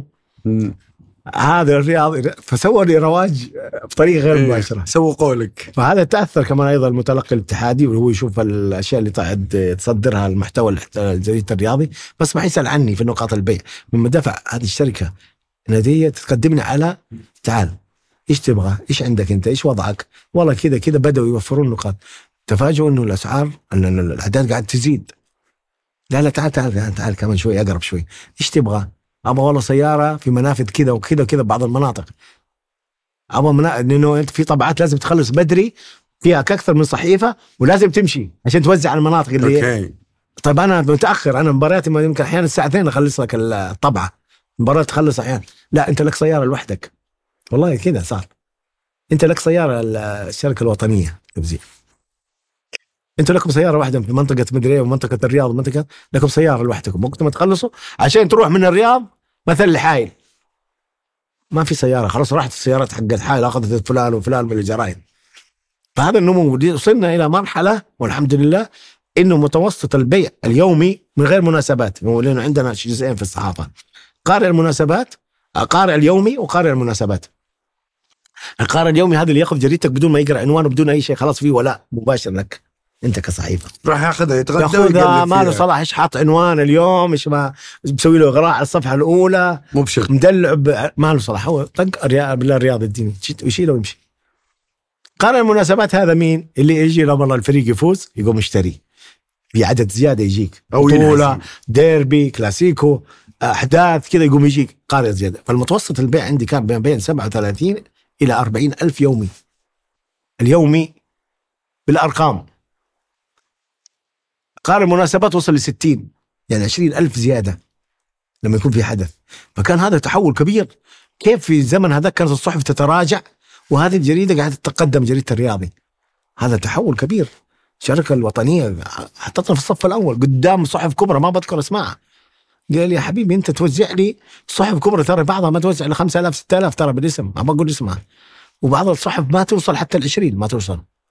توزعوا. توزيع بيع وشراء بدون اشتراكات.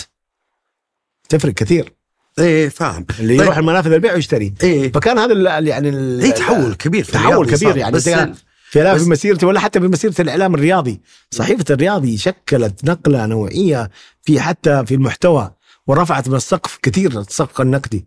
ترى اختلفت. والخبر؟ لا حتى على المستوى النقدي. رفعت المستوى كبير جدا ترى. يعني يختلف عن اللي السائد كان. راحت مرحلة ثانية خلت الجميع يتبعها. يعني محمد بكيري قبل الرياضي غير محمد بكيري بعد الرياضي. طبعا. طيب ممتاز.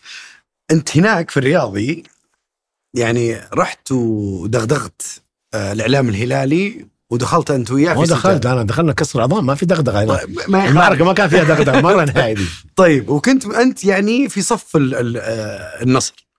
اليوم اختلفت ال- آه جيت القاعدة. جيتني على الجرح أنت الحين لا هو تحول تحول موقف حقيقة إيه. الموقف ال- إيش صار. التحول آه. هذا؟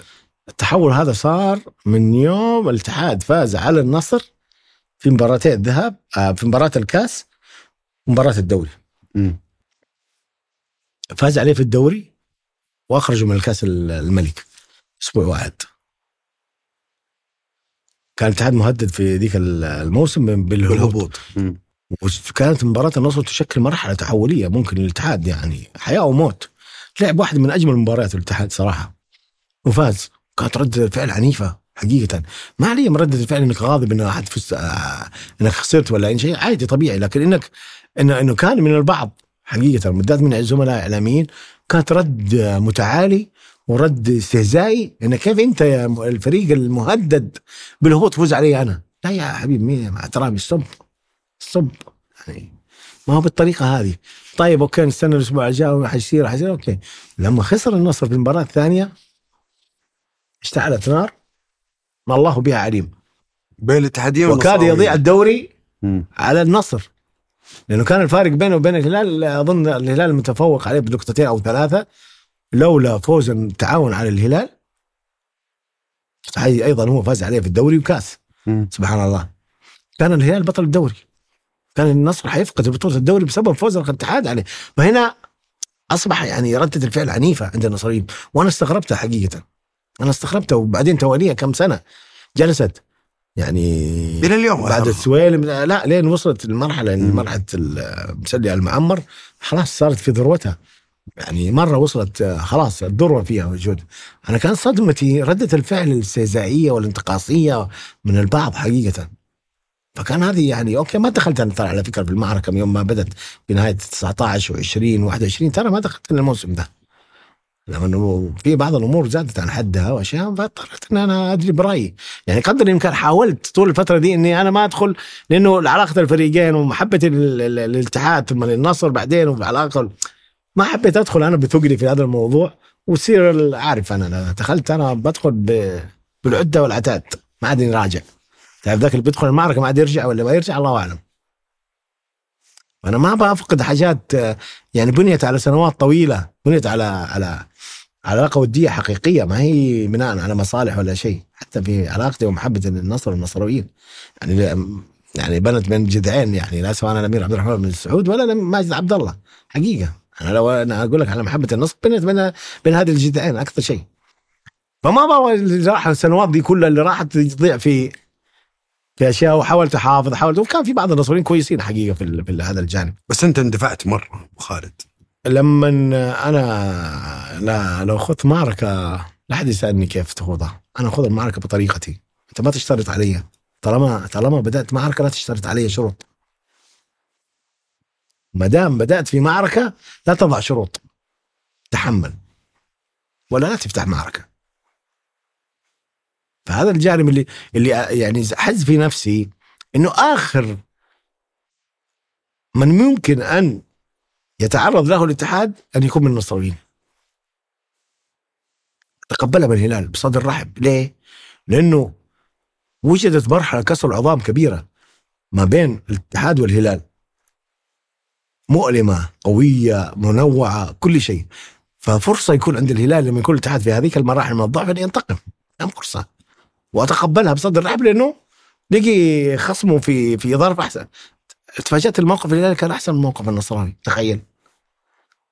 يعني هنا كان صدمتي حقيقة. يعني كيف النصراويين أو خلينا نقول بعض دائما أنا أقول من الإعلام ولا بالذات الإعلاميين ولا بعض المسؤولين إنه ي- يتعرض الاتحاد الاتحاد ياما مواقفه مشرفة مع النصر في أسوأ حالاته وفي أضعف حالاته. كان الاتحاد سند كبير للنصر. معنويا ماديا عناصريا يمدوا بلاعبين يمدوا بمال لا أحد ينكر الشيء ده يمكن ينكرون هم. يبي يكابروا على حقائق هم كانوا معترفين فيها لسنوات طويلة. لا يعني إنك أنت تغيرت إلى المرحله الافضل إنما إحنا تسير لي أنا في مرحلة أنا كنت نبيل معك فيها. ولا تبننت عليك طول السنوات اللي راحت ولا قلنا شيء. بالعكس كنا نراها يعني واجب ان أنا اقف مع نادي أنا اراه جزء مني يعني. ولكن لما تتفاجئ إنه انت مجرد خسارة ممكن تحولك إلى هذه ال- ال- الأسلوب الشرس. مع الاتحاد والاتحاديين و ومحاولة كأنه كأنه في بينك وبين الاتحاد أو محاولة انتقامية. أنا قلت لك أقبلها من الهلال إنه يصل لهذه المرحلة لكن ما أقبلها من النصر ولا توقعتها أصلا. وكانت تزيد يعني ال- إثارة الرأي للعامل الاتحادي والضغط عليه وال, وال حتى على مستوى إداري. يقول لك هو من حقك نادي بس ليش تستفزني أنا؟ ليش تدخل لي في لعيبتي؟ ليش تدخل لي في في لاعب المحترفين ومفاوضات وطقطقة وأسلوب كثير يعني. مو معناته إن أنا ضعيف أنا راح أرجع أنا قوي راح أرجع قوي ترى. بس ذاكرتي لن تنسى من أساء لي.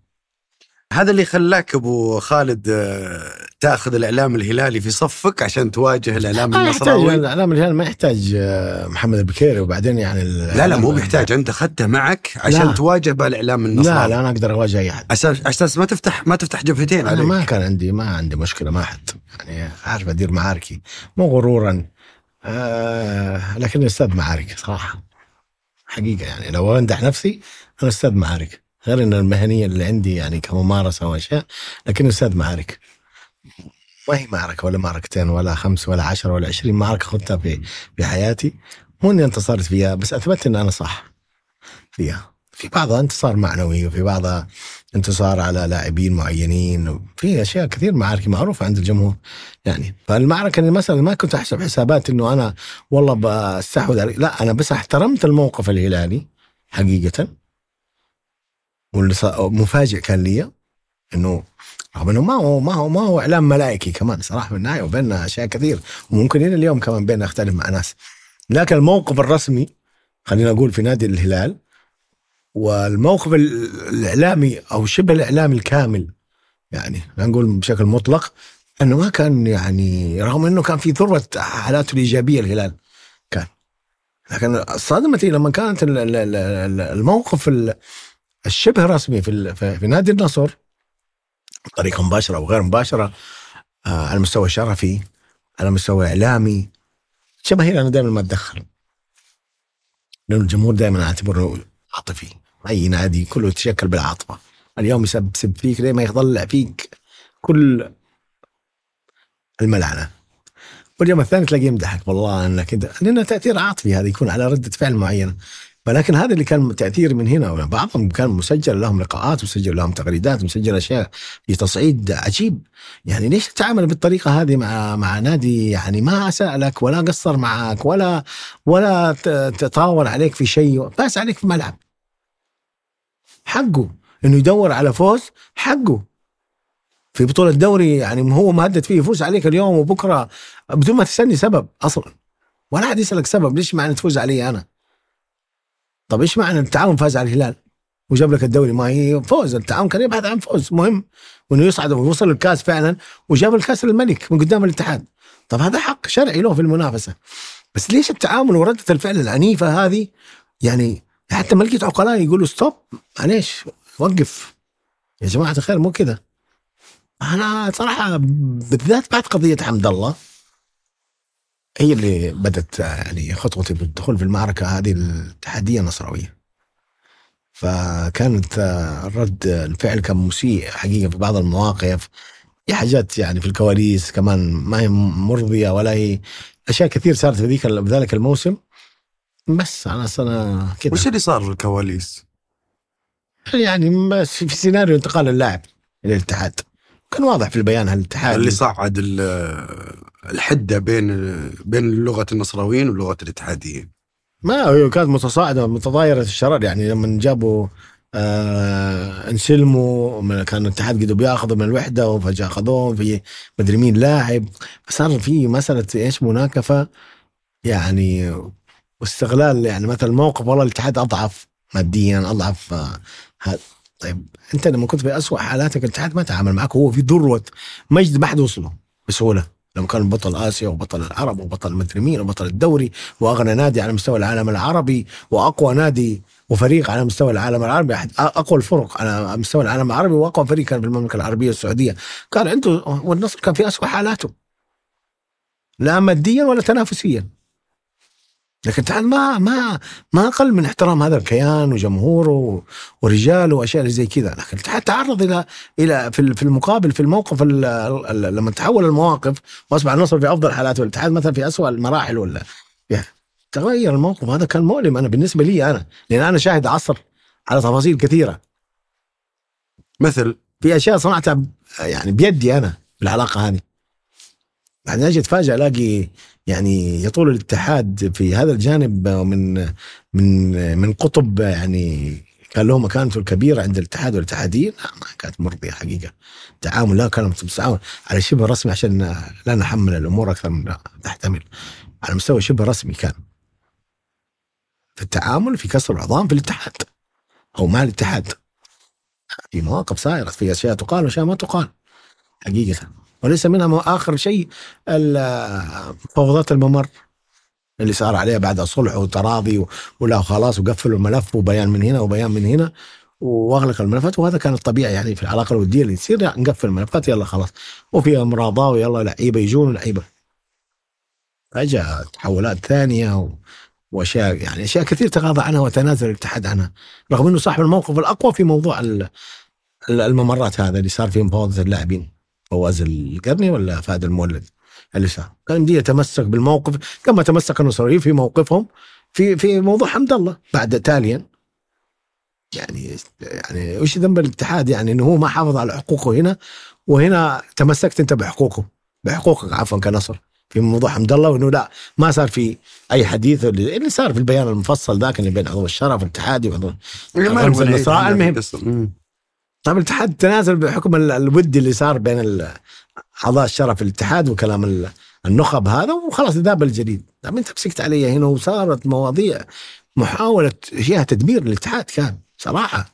قضية حمد الله كان فيها محاولة تدمير الاتحاد رجع لنقطة الصفر بعد ما قعد يجاهد في ثلاث سنوات حتى يعود لإدارة المنافسة. وجلسة مستمرة. إلى الموسم الماضي اللي هي كانت في ذروتها لما انفرد الفريقين أو أكثر الفريقين من بطولة الدوري. وبطولة الدوري كانت هذه تعني تعني ليست بطولة بس. أنا كان بالنسبة لي الاتحاد دخول المعركة هذه أنها تعني أن عودة الاتحاد للمنصات وسعادة اللقب الدوري اللي من 13 14 سنة وشرف المشاركة في كأس العالم ممثل المملكة العربية السعودية. وكان الاتحاد يستحق الموسم الماضي أضاع بيده. من أمام الهلال والموسم هذه كان يستحق. حقيقة. وأنا دخلت معركة أدخلها ب أعرف حساباتي كويس وأعرف فين أضرب وأعرف فين أتكتيك وأعرف كيف أحرك ال- اللعبة بطريقتي أنا. وش أثرها عليك المعركة؟ والله ما بقول شيء بس. شيء أحداث صارت في نهاية الموسم وأشياء كثير جدا. يعني قلت لك انتمائي لنادي الاتحاد كمثلا أو هذا يعني في أشياء كثير دفعت ثمنها حقيقة. خرجت بإصابات من وراء المعركة؟ اي طبعا فيها إصابات غير مباشرة كمان. في مباشرة وغير مباشرة. يعني قد ترتبط بالموضوع هذا وغير. آه لكن نزلت فيها أقوى نزلت فيها بقناعات ثانية وتحولات أخرى في حياتي المهنية وحياتي الشخصية. تجربة قوية يعني حتى أنا ما تركت يعني في بعض الناس يقول يقابلوني بعض جمهور النصر و محبين النصر حقيقة. يا أبو خالد أنت المعركة اللي صار قلت أنا انتهت المعركة بالنسبة لي أصبح الاتحاد بطل الدوري وانتهت المعركة. هذه معركتي كانت الحقيقيه إثبات وجود وقدرة وإمكانيات وحقية هذا النادي الاتحاد أن ينصف. وأنه ينصب بهذا اللقب اللي يستحق له. حتى لو حاول البعض عرقلت هذا الفريق. كانت المعركة فيها جزئيات عقد فرق من أجل مصلحة أن يكون النصر والبطل. طبيعي هذه هذه معركة كذا. أنت ليش تعارك أجل؟ أنت تاخذ معركة بدون هدف؟ ما في معركة بدون هدف. أنت تبغى فريقك كمان ينزل على المستوى الإعلامي. لا أحد ينظر بس ما قد محمد البكيري شكل موقع انت ترى أنا ردة فعل أكثر مني فعل. لكن لما يعني اضطرت إن المعركة تتصاعد أصبحت أسوي الفعل. أصبح على خير ردة فعل. هو عفوا هو زي ما قلت هو حق. طبعا صدرت وجات لي شكاوى متنوعة من شرفيين ومن إعلاميين و... وأشياء وقضايا وأشياء كثيرة يعني ما هي سهلة. أنا أنا ما أنا حياتي كلها قضايا أصلا. عندي ملف ما يتحمل أحد يمكن. منوع والله العظيم. مع عدة جهات مع عدة زملاء مع عدة مسؤولين مع عدة أشياء كثير يعني. أرجع ملفي أنا في 20 سنة الأخيرة بس هذا قضية ما تحملها ملف يعني كثير يعني صراحة. يعني ما أدري أنا اخذ معارك كذا بدون يعني مسألة إنه أنا والله إني أنا أبغى أتجاوز على أحد ولا إني أبغى أسير. لكن هي المعركة كذا أحيانا ما يتقبلها وأحيانا في قضايا كثير كسبتها طبعا. مو شرط إنه يكسبها حتى لو رفع عليه قضية ما مو شرط انك كسبتها. في بعض شوف أنا عندي نقطة واحدة في الحياة مبدأ مهم جدا في الحياة عندي. حتى في المعارك حتى في الحياة في التعامل في الأشياء أي علاقة أنشئها أي علاقة؟ علاقة أخوية علاقة زوجية علاقة صداقة علاقة قرابة علاقة زمالة.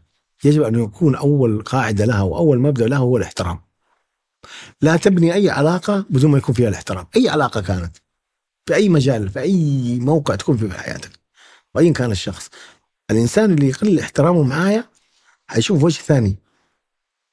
هل أنت مضطر تنزل لأنه تقل نعم احترامه؟ نعم نعم, نعم. ليش؟ نعم. في بعض المواقف اضطر انزل لهم المستوى اللي هم فيه. طيب يمكن هذا اللي يسبب لك الإصابات و ممكن ممكن. لو حافظت على ما في. ما في ما في معركة. أبو خالد ما في معركة بدون جروح بدون آثار ما في شك بدون ما في بس ممكن يمكن معارك تهزم فيها وتخسر فيها. ممكن ترى إي بس أبو خالد يمكن أنا بالجهتين شرهت الناس عليك إنه أنت محمد البكيري بس أنت أحيانا تسوي اشياء أنت مضطر إنك أنت تسويها لازم. لأنه ما حيكون في تمادي كثير حيكون في تجاوز كثير ولأنه في بعض الاحيان تنزل عشان تضع في حجم الطبيعي ما يحتاج يترك الموقف يا أخي يسوي لا، لا، هو لا، لا. هو هو يحجمه كما يريد في في المعارك الإعلامية والمعارك الإعلامية الرياضية تحديدا لا لازم أنا قلت. لك قلت لك في البداية فيصل مم. أنت تبغى تفتح معركة معاي وأنت فتحت فلا تتشرط لما لما لا، لا، هو- صراحة لا ليش لا احد يضع شروطه فعلا لما يعني أنا ما بتكلم عن نفسي أنا ما أتكلم عن الطرف الثاني هذا. مغرور لا لا عفوا. لحظة لحظة لكن أنا ما اتكلم عن الطرف اتكلم عليك أنت هي اتكلم عن نفسي إيه فأنا لما تفتح معركة وأنت اللي فتحت المعركة هذه أنت اللي شروطك لأنه. بعدها صار الناس يقول لك ليش أنت تسوي كذا؟ ليش تنزل المستوى؟ لا تسوي كذا وسوي كذا، لا حبيبي أنت فتحت معركة لا تحط لي شروطك. فتحت معركة معايا تجاوزت فيها واستخدمت فيها كل أدواتك فلا تضع شروط إن أنا لما أستخدم أدواتي وأستخدم طريقتي وأسلوبي في إدارة معركة إعلامية لا تسألني عن الشروط. معركة من اول بدون قيم وبدون شروط. وفيها كثير من من من التجاوزات والإساءات كانت حقيقة حتى طالتني أنا شخصيا لا سواء في هاشتاجات لا سواء في حملات مركزة لا في تبادل أدوار بين زملاء في ال في, ال في الضغط عليك أو وكنت في أنت الوحيد في. الواجهه يعني. هذا- هم يعتقدوا إن هذا يأثر فيني يعني ما يعتقدوا إن هذا يزيدني صلابة وأكثر شراسة في معاركي هذه. وأقدر أفتت كثير من الكتل هذه. يعني كان كانت هل هذه الصلابة ظاهرة من جوا فيه لا لازم أو أنا- تظهر الصلابة. أنا عندي مؤمن مؤمن أنا إذا دخلت معركة إنه لازم معركة إعلامية يا جماعة الخير لازم فيها ردود فعل لازم فيها كلام قد ما يعجبك وأشياء زي كذا قاعد تقول ردود فعل ما تعجبك بس أنت كن مهيئا لكل الاحتمالات. هذا أهم شيء. لا تقول هو أنا متفاجئ. لأن البعض تفاجأ. بعضهم الطرف الآخر لا لا مو كذا لا إحنا نبغى نتعارك بس مو بالطريقة دي. لا يا حبيبي لا تحدد لي أنت. خلاص هي معركة إعلامية وانتهت. أنتهت أنا بنهاية الموسم ترى عندي. انتهت والله العظيم ما عندي أي خلاف مع أحد ولا عندي قضية مع أحد ولا اليوم. عندي يعني إني أشيل الحقد على أحد ترى ولا إني زعلان ولا ما شلت انتهت المعركة ولا لا؟ إيش انتهت عليه؟ الاتحاد بطل الدوري السعودي وممثل المملكة العربية السعودية في كأس العالم لو النصر اللي كان البطل هل تنتهي المعركة؟ أيوه المعركة تنتهي من طرف انتهت المعركة لا لو النصر كان هو البطل هل بتنتهي معركة البكيري؟ ما عندي المعركة ولا تبي تنافسيه تستمر؟ ترى يا فيصل. ولا تبي تستمر؟ أيوه لا المعركة تنافسيه لو رجع تنافس الاتحاد وال- وال- والنصر تحديدا على بطولة الدوري حتستمر. حتى دحين واقول لك انتصر لأنه انتصر نهايه انتهت المنافسه تخيل الاتحاد والنصر الحين مرضى منافسين مثلا على الدوري زي ما صار الآن. برضه حترجع منافسة بينهم لكن ما حد ما أتوقع إنها تتكرر نفس الأشياء. ما تتكرر ما تتكرر. بتكون أقل حدة شوي. يعني مم. أنا كبرت دماغي أصلا. كبر دماغك ولا أنت كبرت شوي؟ أنا كبرت دماغي. طيب. عقلت. أبو خالد أنا والله الحديث معك مرة شيق صراحة وجميل. حبيبي. وأنت شخص غير ممل ابدا ما شاء الله. تبارك الله. الله ما يكرمك قلت لك قلت لك أنت مثلا إن شاء الله. آه، أبو خالد عندي المحور الثالث. أنا يمكن أول مرة أسميه لأني قدام صحفي لازم آه، اعلم لا. ان عندي محاور. أبد أبد أبد. يعني أذكر لك بعض المواقف بعض الأسماء لك حرية التعليق عليها في في يعني بايجاز والأمر لك يعني. أنت من وجهة نظرك من هو اللاعب الاتحادي سواء كان قديم أو حديث اللي أنظلم؟ أنظلم أنظلم فعلا. ما أنصف. حسن اليامي. حسن اليامي. طبعا. ما أنصف اعلاميا ما أنصف. اعلاميا ولا من الاتحاد و... يعني شوف الاتحاد ما في النهاية في في علاقة احترافية تربط أنا ما أقدر أربطها لكن من الناحيه الناحيه اللي- يستحقها نجم يعني قدم وخدم وأعطى في الاتحاد يعني ترى هو من النجوم اللي ما حصلوا على حقهم حقيقة ال- الإعلامي والج- وال- والجماهيري صراحة كثير. يمكن هو شخصية حسن ما هي آه أنا أحسه من نوعية اللاعبين ذولك اللي يدخل يستمتع باللعب بس ويمشي يتفكر السلام عليكم. ما تعني له شيء. في ناس لا تعني له كيف يظهر كيف يقدم نفسه كيف يتعامل مع الجمهور. مم. حسن تلقائي يعني واحد من اللاعبين اللي انشات معاهم صداقة جميلة صراحة. هو لاعب خلوق برا وداخل الملعب آه، حبيته على المستوى الشخصي صراحة. آه، لاعب خدم في الاتحاد ولاعب صنع تحولات كبيرة جدا لفريق الاتحاد وكان واحد من أمهر اللاعبين. آه، في صناعة الفرص وتسجيل المهاجمين. حمزة إدريس أصبح هداف على حساب حسن اليامي حقيقة. ساهم مساهمة كبيرة في في أن يكون حمزة إدريس هداف تاريخي للدوري السعودي فوق 33 هدف تقريبا. كان فيه مساهمات كثيرة لمين؟ للحسن اليامي مع آه، صناعة اللعب للنجم حمزة إدريس. كان. هذه واحد من اللاعبين اللي ظلموا حقيقة. هدف ما تنساه ابدا. تتحدث عنه كإعلامي. هدف ال آه والله هدفين مو هدف صراحة. هدف الاتحاد في الهلال في بطولة الدوري 2007 حق حمد المنتشري في الدقائق الأخيرة. وهدف الاتحاد في الأهلي بطولة الدوري 2003 لاسامه المولد في الدقائق الأخيرة. هذه اهداف يعني ردة الفعل التاريخية عند يعني كانت عندي فيها صراحة. يعني تعرف ردة الفعل انت بتكون بالذات في المباراتين هذه كانت مرة سيناريو صعب على الاتحاد كان. فيجي يتحول النتيجة من خسارة إلى إلى تعادل إلى فوز. أنا أعتقد كانت ردود فعلي جنونية في ذيك المباراتين. في الملعب كنت كمان. آه ما شاء الله. إيه لا، المباراتين عظيمة دي كانت. هذه الهدفين ما أنساها صراحة. هبوط الأهلي لدوري الدرجة الأولى عيالو. والله اثر فينا حقيقة. أنا كنت أتفرج ذيك الأيام. أتذكر والله ما أنسى أنا وصديقي كنا على الشاطئ كذا ونتفرج بجوالات ذيك المره دوبنا خارج من عمليه ولا شيء. عمليه القلب. فصرنا نتفرج الجو... تعرف المباراة مهمة كانت الاتحاد الباطن والهلال يلعب مدري مع مين كان ذيك المباراة. خلاص ال- المفصلية هي تبان هنا. ففجأة يعني أقول لك السيناريو كيف صار والله أول مرة أقول الكلام ده. فأنا أتفرج خلاص طبعا خلص المباراة باين الهلال فايز. الاتحاد متعادل. فجأة جات لي. الشريط الأخباري اللي فوق تجينا أخبار للقناة العربية.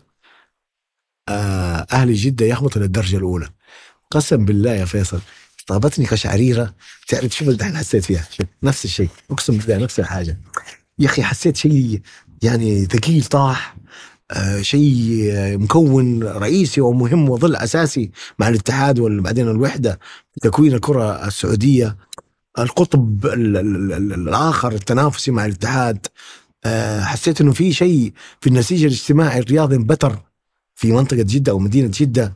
يا أخي تجمعاتنا جلساتنا كلها مناكفات إحنا والاهلاويين نمزح على بعض ونغلس على بعض ون- وننكد على بعض وأشياء كثيرة. فتخيل إن الحالة اللي يكون إنك أنت في مجلس كل هذا النسيج الموجود الاتحادي الأهلاوي ترى إحنا عادي عندهم الاتحاد والاهلي في جده ترى يجلسون مع بعض ويضحكوا مع بعض ممكن يروح الملعب ويتخاصمون هناك ويجوا يجلسوا مع بعض عادي. فحسيت قشعريره كذا يعني حاجة وتخيلت إيه؟ يعني تطور لي تصور يعني نفس الشعور هذا لو كان الاتحاد. يعني ما أدري قعدت أقول أنا إيش يصير فينا لو كان الاتحاد زي كذا في ذا المكان؟ انه كاد يكون الاتحاد في هذا المكان. في الموسمين اللي قبلها كاد. يعني كان هاجس كبير. أنا من اللي ما أنكر إنه كان يشكل تهديد الاتحاد بالهبوط في مرحله موسم 2018 19 حاجز كبير. حاجز كبير جدا. يا أخي كيف يسقط نادي زي بهذا الحجم؟ يعني كنت يعني أحيانا أفز كذا يا ولد الاتحاد ده بيهبط ده ولا إيش؟ بيصير المباراة دي. ما اتفرج المباريات ترى. ذاك الموسم ما كنت اتفرج المباريات عاير الساعة متى تبدأ المباراة وأفر كامل الشوط الأول في مكان طريق امشي لين انتهي 45 دقيقة. ونكمل 45 دقيقة ثانية. بدون ما أشوف النتيجة نهائي لا شوط أول ولا شيء أمشي لين ما تخلص المباريات هذه.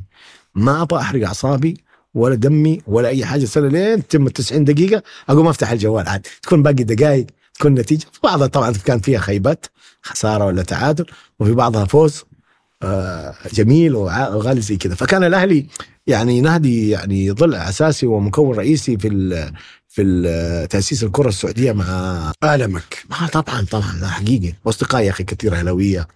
وفي علاقة بيني وبين الأهلاوية حتى لو تناكفنا يعني. طيب الآن أه بعطيك أسماء وعلق عليها بكلمة أو كلمتين. الله يستر. محمد نور. أوه الصورة ده. أيقونة آه، قليل من إن الاتحاد كان عنده مشكلة كبيرة إنه ما يعرف يصنع أيقونة له. أيقونة تسويقية أيقونة آه، آه، آه، محفزة للاعبين.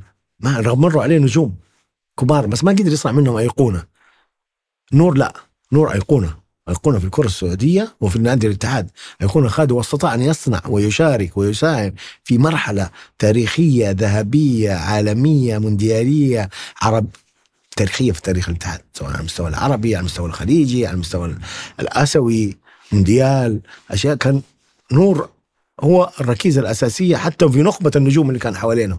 كان قائد حقيقة قائد جميل يعني. الولد هذا استطاع يعني في سنه الصغير ذاك كان من بداية نموه وهو يحاول يصنع لين يصبح شاب أصبح نجم أصبح إيقونة أسطورة في نادي الاتحاد. ما حد قدر يصنع هذا. حتى لو لو أثار هذا غيرة البعض حقيقة من نجوم سابقين ولا شيء لكن نور نور. رجل بعرقه استطاع أن يصنع نجوميته حقيقة رغم أنه تعرض لظلم كثير يعني سواء على صعيد المنتخب ولا على صعيد الاتحاد. طيب.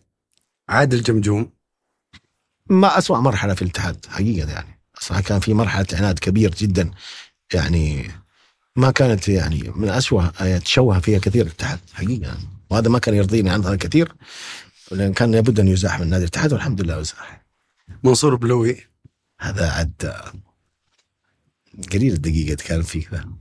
كنموذج رئيس نادي مطنوخ حقيقي يعني. حقيقة نموذج مبهر اللي يجينا عن قرب يا أخي يا أخي في الذكاء الفطري في فهم الكورة في اللعبة عنده الكرة دي إدارية لها عنده بعد كثير بعد نظر ترى جميل عند منصور. هل هذا السحر بسبب آه، ميولك العاطفي تجاه منصور لا؟ منصور أنا ترى ترى واحد من أسباب انشاء العلاقه معه قلت لك الاحترام.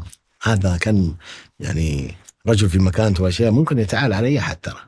ممكن يتعامل مع أي احد كذا لكن و- نفس نفسيا وخلقيا واحتراما كل واحد يعرفه. يعني تحبه طوالي. ترى شخصيته تحب بسرعة. ولا عنده التعالي ذا على أحد والله العظيم رغم أنه سبحان الله له المكانة والقدرة والاجتماعية والأشياء اللي زي كذا. فالرجل عمل عمل تاريخي لا ينسى. مؤسس الاحتراف الحقيقي ومؤثر هذا الاحتراف آه، إذا كان مو مؤسس الاحتراف لكنه مؤثر الاحتراف الحقيقي. إن اليوم له امتدادات وفي نوعيته وفكره وأسلوبه كان منصور سابق عصره. لما بدأ هذاك التحول اللي صار في في في في على مستوى نادي الاتحاد ولا على مستوى الكرة السعودية وبعدها كل الأندية كررت نفس النموذج هذا اللي يتبع منصور. عدنان جستنيه آه عدنان. طيب لكنه آه عدنان آه إيش أقول لك؟ لا تتعارك معه كثير. ترى ما يفكك لين تموت. قلت له ذا الكلام. قلت عدنان ترى أنا أحب العراق. بس ترى أنا ما العراق ما هو هواية عندي. ولا هو يعني مو خلاص معركة وتعدي ترى. خلاص امشي روح معركة ثانية امشي عيش حياتك هو يقعد يتعارك معك لين تطفش. حتى الآن يعني مثلا مع أحد المذيعات المصريات شايف معركة له. أصلا من يوم ما بدأت تنكش في عدنان أنا قلت الله يعينها. والله حيطلع روحه ما يطفش. عدنان ما شاء الله تبارك الله عنده نفس طويل. يدخل ويعطي معك ويرد. أنا أحيانا أطنش ترى أحيانا أعدي. فين وفين لين أرد على الواحد إذا بيخلق معي معركة. لأن هي ترى يعني هي حاجة ملح كذا ترى ما هي شخي شخصنه هي لكن عدنان لكن تغير عدنان مع شوية عن عن عن ما كان أول. كثير. وليد الفراج. ما بقول كلمة زعله بس. ما هو رجل مواقف. حقيقة يعني للأسف يعني. ما هو رجل مواقف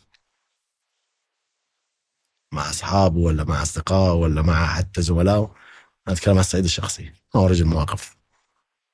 في أكثر من موقف آه، كان خذلان منه صراحة. أنا ما ما أحب الرجل اللي اللي يقدر بأصحابه. بس بصراحة يزعل يزعل ويرضى اللي يرضى. عندك أحد ثاني كمان؟ آه، عندي اثنين. سريع بحطهم في في مع بعض. هات كريستيانو آه، كريستيانو رونالدو بنزيما آه شوف. كريستيانو هذا أنا أعتبر يا أخي وجوده كان يعني أيقونة بالنسبة للاحتراف السعودي وأيقونة للمرحلة السعودية الذهبية اللي بدأت. صراحة شوف. عنوان كبير إذا تسوي عنوان كبير كريستيانو الكرة السعودية كريستيانو حتى بنزيما يجي بعده حقيقة. كريستيان هذا جيته أعطت حتى زخم عند ال عند عند ال عند عند ال- القائمين على الكرة السعودية إنه توجههم صحيح. اداهم مؤشر. إنه وجود كريستيانو واستقطاب كريستيانو وتواجد كريستيانو في الدوري السعودي أعطاهم مؤشر إنه أنتم تحرككم صحيح. ويجب أن تتعمقوا أكثر فيه. لأنه كان ممكن فشل كريستيان أن يحطم المشروع السعودي. يحطم كيف؟ معنويا.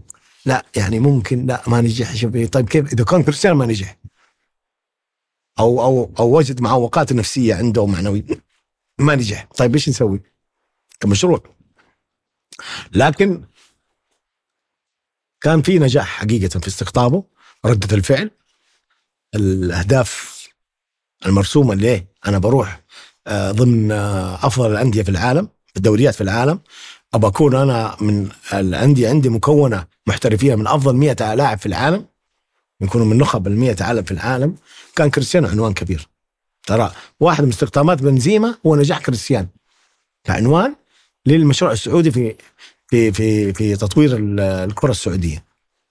فبنزيما يعتبر كمان أيضا ايقونه آه، لكن ما هو بحجم تأثير آه، كريستيانو. حقيقة على مستوى العالم تشوف هذا الشيء أصلا. يعني كريستيانو آه، حقيقة مع إني أنا برشلوني أصلا كنت أحب ميسي كثير لكن أنا عشان بلدي والله حبيت يعني. وبعدين لا- لاحظ شيء. يا أخي كريستيانو كريستيانو النموذج لا وغير كذا الرجل هو قاعد يتفاعل معك. فاهم ممكن واحد تتعاقد معاه ويسوي لك كل اللي أنت تبغاه لكن ما يديك روحه. ما يديك الروح هذه الحلوة ما يديك هذا التجاوب وهذا التفاعل وهذه التصريحات. لاحظ في تصريحات يبادر فيها هو. أكثر من تصريح إيجابي كان فيه يتحدث عن البلد نفسها كالمملكة العربية السعودية ويتحدث ويراهن على الدوري السعودي إنه يوم من الأيام راح يكون واحد من أقوى دوريات الدوريات في العالم.